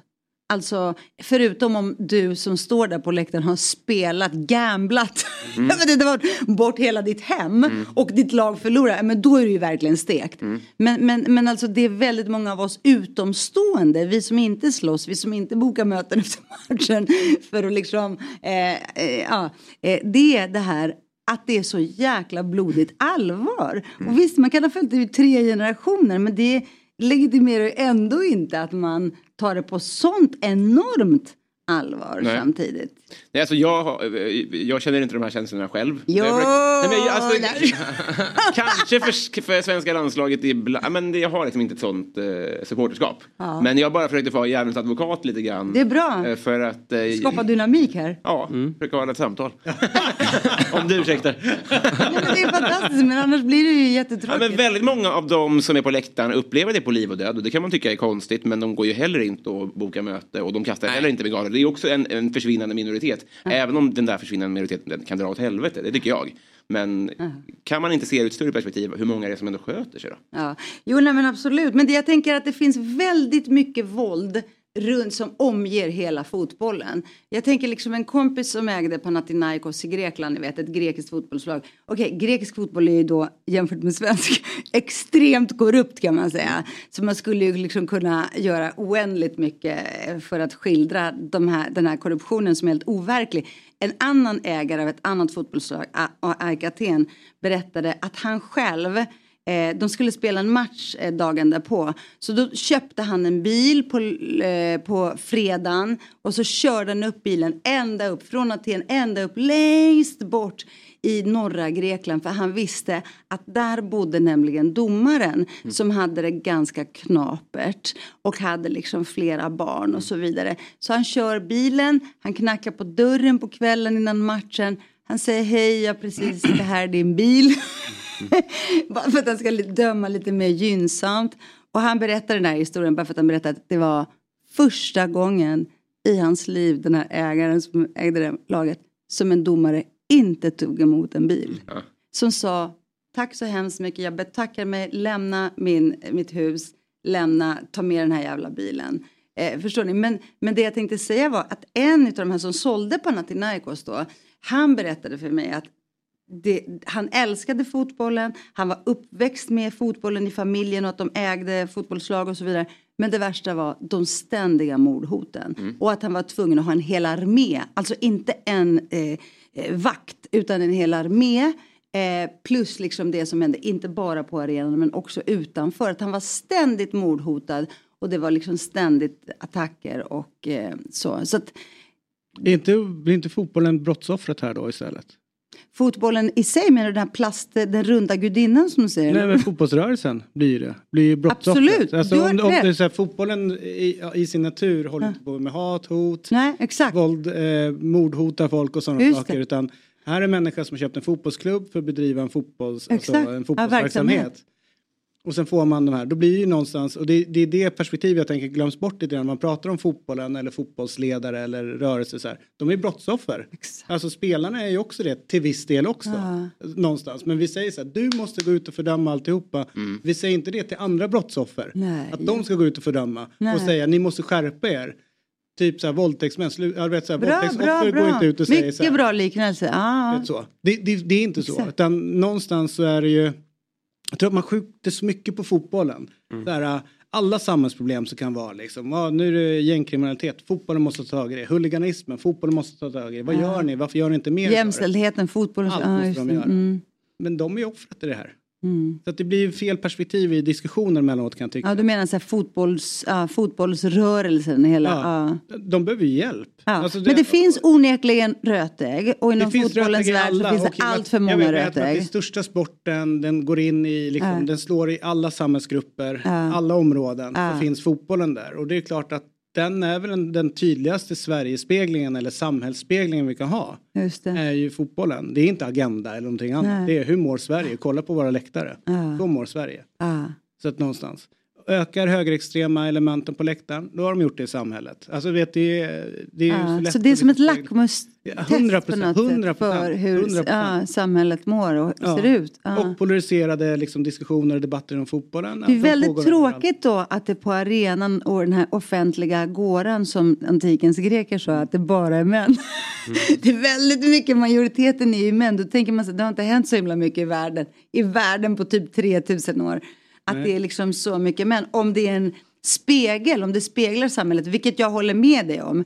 Men, men jag tänker att ehm, Men det händer ju ändå säkert. Det luckras ju upp nu med liksom framgångarna för eh, damerna eh, i fotbollen. I alla fall i Sverige. Och Ja men det är fler, fler kvinnliga besökare på fotbollsläktare. Det, det ser man ju, det märker man ju bara när man går runt där. Så det, det ökar det. hela tiden. För förut kände man sig väldigt udda Ja. kan jag säga. Och det var lite skämmigt att gå. Och jag minns jag var med i ett grekiskt tv-program och skulle prata om fotbolls-VM. Vad var det? 2005? Det här kan ni bättre än jag. När Sverige 06. spelade, va? 06 va? 06. När Sverige mötte eh, Tobago, Trinidad eller? Ja, 06. Kommer ni ihåg? Ja. Ja. Men då hade jag i alla fall i, i, i uppdrag att eh, eh, berätta om svenska landslaget och taktiken och spelarna och så vidare. Och jag var ju liksom jättepåläst och hade råkoll på allting och hade dessutom pratat med några spelare. Och så sitter jag i grekisk tv, det är söndag kväll, det är liksom det stora sportprogrammet i, i grekisk tv. Och då är det jag, idrottsministern, någon gammal spelare och så vidare. Och det är en programledare, en sån stor kulturpersonlighet som är programledare. Och sen så får alla extremt initierade frågor om fotbollen. Och sen så tycker de ju givetvis att jag som kvinna är väldigt udda. Det är märkligt liksom att jag älskar fotboll. Men den första frågan jag får som jag aldrig kommer att glömma är och vem av alla de här skul- spelarna skulle du vilja vara med? Och jag sa, ursäkta, eh, hur, menar du? hur menar ni nu? Ja, vem skulle ni vilja vara med? Jag bara, vara med? Hur då vara med? Eh, och då, jag ville liksom bara poängtera vad det var, att han li- sexualiserade hela min kärlek till fotbollen. Och då sa jag så här, men vem skulle du vilja vara med? Eh, och då var, hehe, då var det så här pinsamt plötsligt att jag bollade tillbaka den här frågan. Men det är också väldigt intressant. För att det, de, det är också så sexualiserat för att det är så macho. Och då menar de så här, som kvinna är du där som kvinna så är du antingen tillsammans med någon, tänker de, i, i liksom väldigt många länder, kanske inte i Sverige längre. Så att det tycker jag, alltså det var typ det värsta jag varit med om i mitt liv. Som att jag skulle vilja ligga med någon av de här fotbollsspelarna och säga så här, men jag kan prata om det här istället om du liksom inte eh, är det är så hemskt. Men det är spännande tänker jag, just med fotbollen och liksom hur man pratar och resonerar och så här. Vi- Visst, vi för en debatt i Sverige, men när man kommer ner Italien, Grekland, eh, Spanien till viss del, en del länder på Balkan så här. Deras syn på ja, men, kvinnor inom fotbollen eller det är ju det är så långt ifrån så man står ju nästan häpnar över hur de... Hur bara de titta på Spanien här nu senast. Ja exakt med, med landslaget Ja. och så här. Så att man, man, det, vi ligger ju så, alltså det är så svårt att ta in eh, liksom hur de resonerar emellanåt. Alltså att överhuvudtaget tänka. Tänk om jag ska stå i en studio antingen här eller på SVT och så har man två män och så är det en kvinna som är expert inför match. Ja. Ni två får prata om matchen. Och matcher- och du bara, vem skulle du vilja Vem- ligga med? Vem vill du göka med utav de här 22? Eller hur? Det är så. Ja, Man det är hade ju inte varit många sekunder Nej. kvar i, i framför eh, kameran där innan man blir Nej. utkastad liksom. Men skulle du säga att en sån typ av fråga skulle kunna uppstå i, i grekisk tv idag? Eller har Jag man tror att tagit det har steg gått- där också? För det, det är ju fullständigt eh, omöjligt att den, den Ja, nej, men frågan Det har eh, gått framåt. studio. Det har gått framåt. Men det är inte så, man bjuder inte ens in Nej. kvinnor när man diskuterar fotboll Nej, och sport. Förstår du vad jag menar? Det är liksom på den nivån. Och det finns en rad olika anledningar. Krig och kriser och diktaturer och allting som har hållit tillbaka. Och det har inte funnits en lika framgångsrik feministisk rörelse och inte lika eh, eller samma öppenhet. Så det finns, jag skulle kunna förklara varför och hur och så vidare. Och det finns givetvis inte lika många fotbollsspelande eh, flickor och kvinnor. För att man överhuvudtaget inte satsar på det. Eh, så att det är väldigt många skäl. Jag hoppas att inte den frågan skulle ställas idag. Men jag vet att den relationen och synen fortfarande är sexualiserad. Precis som att man, det finns en fördom att det är typ så här butcherflator som spelar fotboll. Förstår ni? Så när jag har sagt någon sån gång att jag spelade fotboll under hela min uppväxt. Som bara, eh, what? så eh, så att det, det, ja, och det är det där som det är. Det är liksom fotbollens också uppdrag tror jag. I inkluderingen, när man talar om inkludering och så vidare. Att se människor, att stärka människor och så vidare. Ge dem möjligheter att utöva den här fantastiska sporten. Det finns ju ingen annan sport som kommer i närheten av fotbollen. Men det, finns, det är också fotbollens uppgift att bryta ner de här barriärerna på något sätt. Och Den här frånvarande pappan då, är det någonting du har upplevt i din egna uppväxt, alltså den generationen du har vuxit upp med eller ser du det som ett problem idag? Mm, nej, men, pratar om? Jag har ju intervjuat ett 60-tal pappor Mm. eh, från Sverige till eh, USA. Eh, och och det, vi vet att det faderstraumat är givet. Det finns hos alla som har växt upp med frånvarande fäder på olika sätt. Och ehm, det är liksom dramatiserat och det är också eh, konstaterat ifrån kriminologer världen runt att det är den största risk, riskfaktorn. Eh, när man besöker män i fängelser och frågar varför hamnade du här så säger de min pappa var aldrig där. Det är ett av de vanligaste svaren. Själv eh, är jag också ärrad för att jag hade en pappa som var frånvarande på olika sätt. Eh, och eh, under väldigt långa perioder men också eh, var en misshandlande och missbrukande pappa. Liksom. Eh, så att det, tog emot att skriva den här boken men det var efterfrågad i hela Sverige när jag reste runt och talade om mammorna i Sveriges fattigaste förorter. Mammor som har förlorat sina barn i dödsskjutningar eller i kriminalitet och knark. Eller mammor som har fostrat förebilder eh, mot alla odds. Typ Ilir Latifis mamma i Rosengård och andra som har liksom kämpat väldigt, väldigt hårt. Eh, och här ser vi också män som verkligen har kämpat för att bryta med konservativa kulturer och mansnormer. Som har lyckats göra det. Och vi ser sådana som är fast i någon slags gang gangsterträsk. Och vi ser eh, sådana som har en massa förklaringar och bortförklaringar för att de är sviker, lämnar, överger sina barn. Eller för att de inte får vara del i sina barns liv. För väldigt många säger också att kvinnor dribblar bort dem, mammorna. Att samhället alltid backar upp kvinnan. Att mannen misstänkliggörs och eh, manipuleras ut. Och att samhället är väldigt feminiserat. Så många klagar ju på att de inte får ha tillgång till sina barn. Och vet inte heller vad deras roll i den här jämställdheten är längre. Vad ska jag vara? Jag skulle förr vara den som försörjer familjen och försvarar fosterlandet och är den här starka. Och vad ska jag vara nu? Liksom, ska jag betala noterna? Ska jag inte betala? Ska jag ta? Alltså så. Så att det är en eh, väldigt intressant... eh, En fråga när du var i olika länder. Varför var de så extremt frånvarande i Norge för? Varför sköter de sig inte? Jag har alltså varit i Sveriges eh, förorter. Sveriges mest stigmatiserade försummade eh, förorter. Inga och, du är inte utomlands? eh, och i New York. Right. Och i USA. Right. Där jag inte blivit en pappa. För hela den här diskussionen i Sverige och kriminaliteten och alla den här dödsvågen. Eh, den har ju föregått. I, den finns ju i USA sedan många, många år. Hela den här eh, gangster romantiken och gäng eh, liksom kulturen. Så därför åkte jag dit och träffade Khalil som har suttit i fängelse i 25 år som var med i Black Panthers, de Svarta Pantrarna innan. Som var en frånvarande pappa, hans son sköts och så vidare. Och jag ville förstå hur har de diskuterat, vad borde man göra, hur borde man liksom motverka, stoppa det här våldet och vad ska man göra med männen, maskuliniteten, vad är manligt idag? Eh, och alla de män jag har intervjuat i Sverige, de kommer från hela världen. Men Okej. det är också Johnny Ros, Värsting i Gottsunda. Det är Kent Andersson i Vivalla. Förstår ni? Ja, och alla har de här växt, växt upp med frånvarande pappor eller själva varit frånvarande pappor. Och, de, och, och, och det är liksom Araya eh, som har växt upp med en frånvarande pappa och har blivit världens mest alltså föredömliga far som sätter sina egna barn på genusdagis och brutit med sin eritreanska kultur. Förstår ni? What? Ja, men inte Är du bestämt- säker på att det är Nej, nej, ja, det- att han inte är det- Nej, men etiopier? den konservativa eh, kristna, kristna jag synen på mannen. Förstår Men jag ni? tror fortfarande att han i grunden är etiopier. Därför den eritreanska kulturen Nej. det är bara kärlek och fint. Jo, ja, men alltså, nej, men, oh, eh, alltså, här, alltså att jag kommer hit och kritiserar den grekiska kulturen betyder inte att jag inte är grek. Nej, Nej, förstår nej, ni? nej. Men alltså, och på samma sätt så kan man också som svensk se vad som finns. Förstår ni? Absolut. Och Men, men, när min mamma och pappa skilde sig då sa de grekiska tanterna i Rinkeby Åh, du kommer aldrig lyckas gifta bort de här flickorna. Sådana idéer finns i många kulturer där vi inte har hunnit lika långt helt Mm. enkelt. Så machokulturen och mach- mansnormerna, det, jag är jätteglad att ni eh, nämner boken och att ni, jag hoppas att ni läser den. Mm. Ja men det ska vi göra. Jag vill bara förtydliga där att eh, det är likt AIK. AIK kommer alltid med kärlek och fred. Och, Alltid, och sådana, bara bara. faktiskt. Och det är likadant med Eritrea. Så att Vi har inga problem där nere, det är det som är grejen. Så när du säger att eh, det är liksom olika kulturer och sådär. så tror jag att du ser fel. Det är Etiopien som är Såklart. problemet.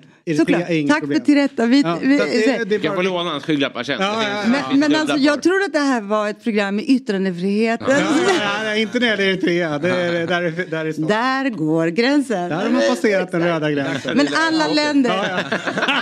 Nej, men alla- det nej, nej men vi kan väl ändå enas om att alla länder har en ganska problematisk och misogyn syn på kvinnor och så vidare utom Eritrea. Ja, det, eller, ja det där, tycker har vi det. Ja, där har vi det. Bra, där! Nu kan vi stänga den här butiken. Det var det jag ville ha sagt. Du, Hur vilken... bra är de i fotboll? Vad säger du? Hur bra är de i fotboll? Det är helt okej. eh, Vi kämpar på.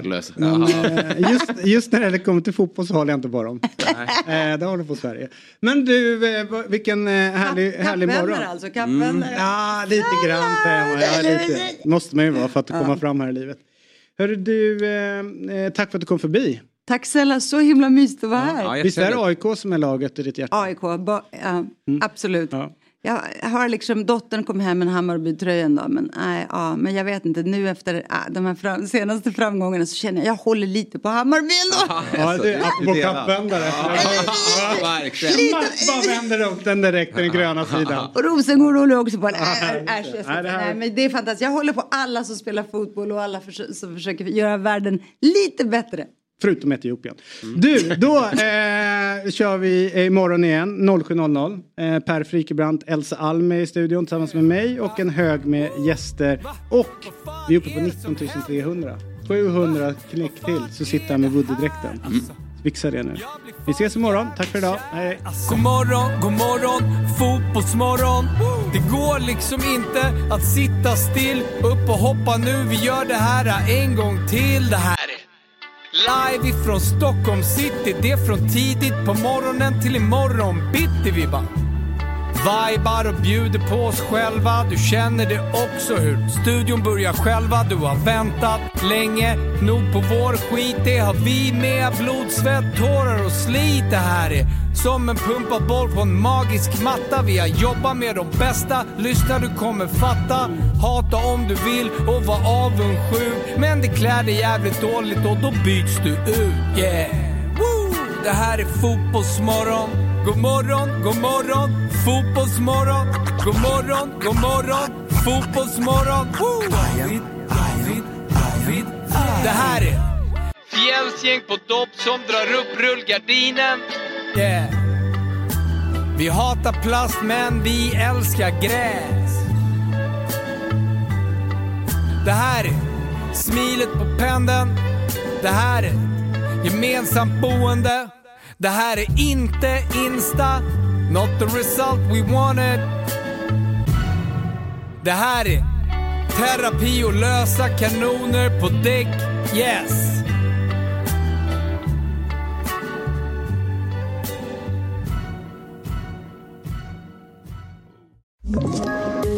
Poddtips från Podplay. I podden Något Kaiko garanterar östgötarna Brutti och jag, Davva, dig en stor dos skratt. Där följer jag pladask för köttätandet igen. Man är lite som en jävla vampyr. Man har fått lite blodsmak och då måste man ha mer. Udda spaningar, fängslande anekdoter och en och annan arg rant. Jag måste ha mitt kaffe på morgonen för annars är jag ingen trevlig människa. Då är du ingen trevlig människa, punkt. Något Kaiko, hör du på Podplay. Därför arkadeinerna.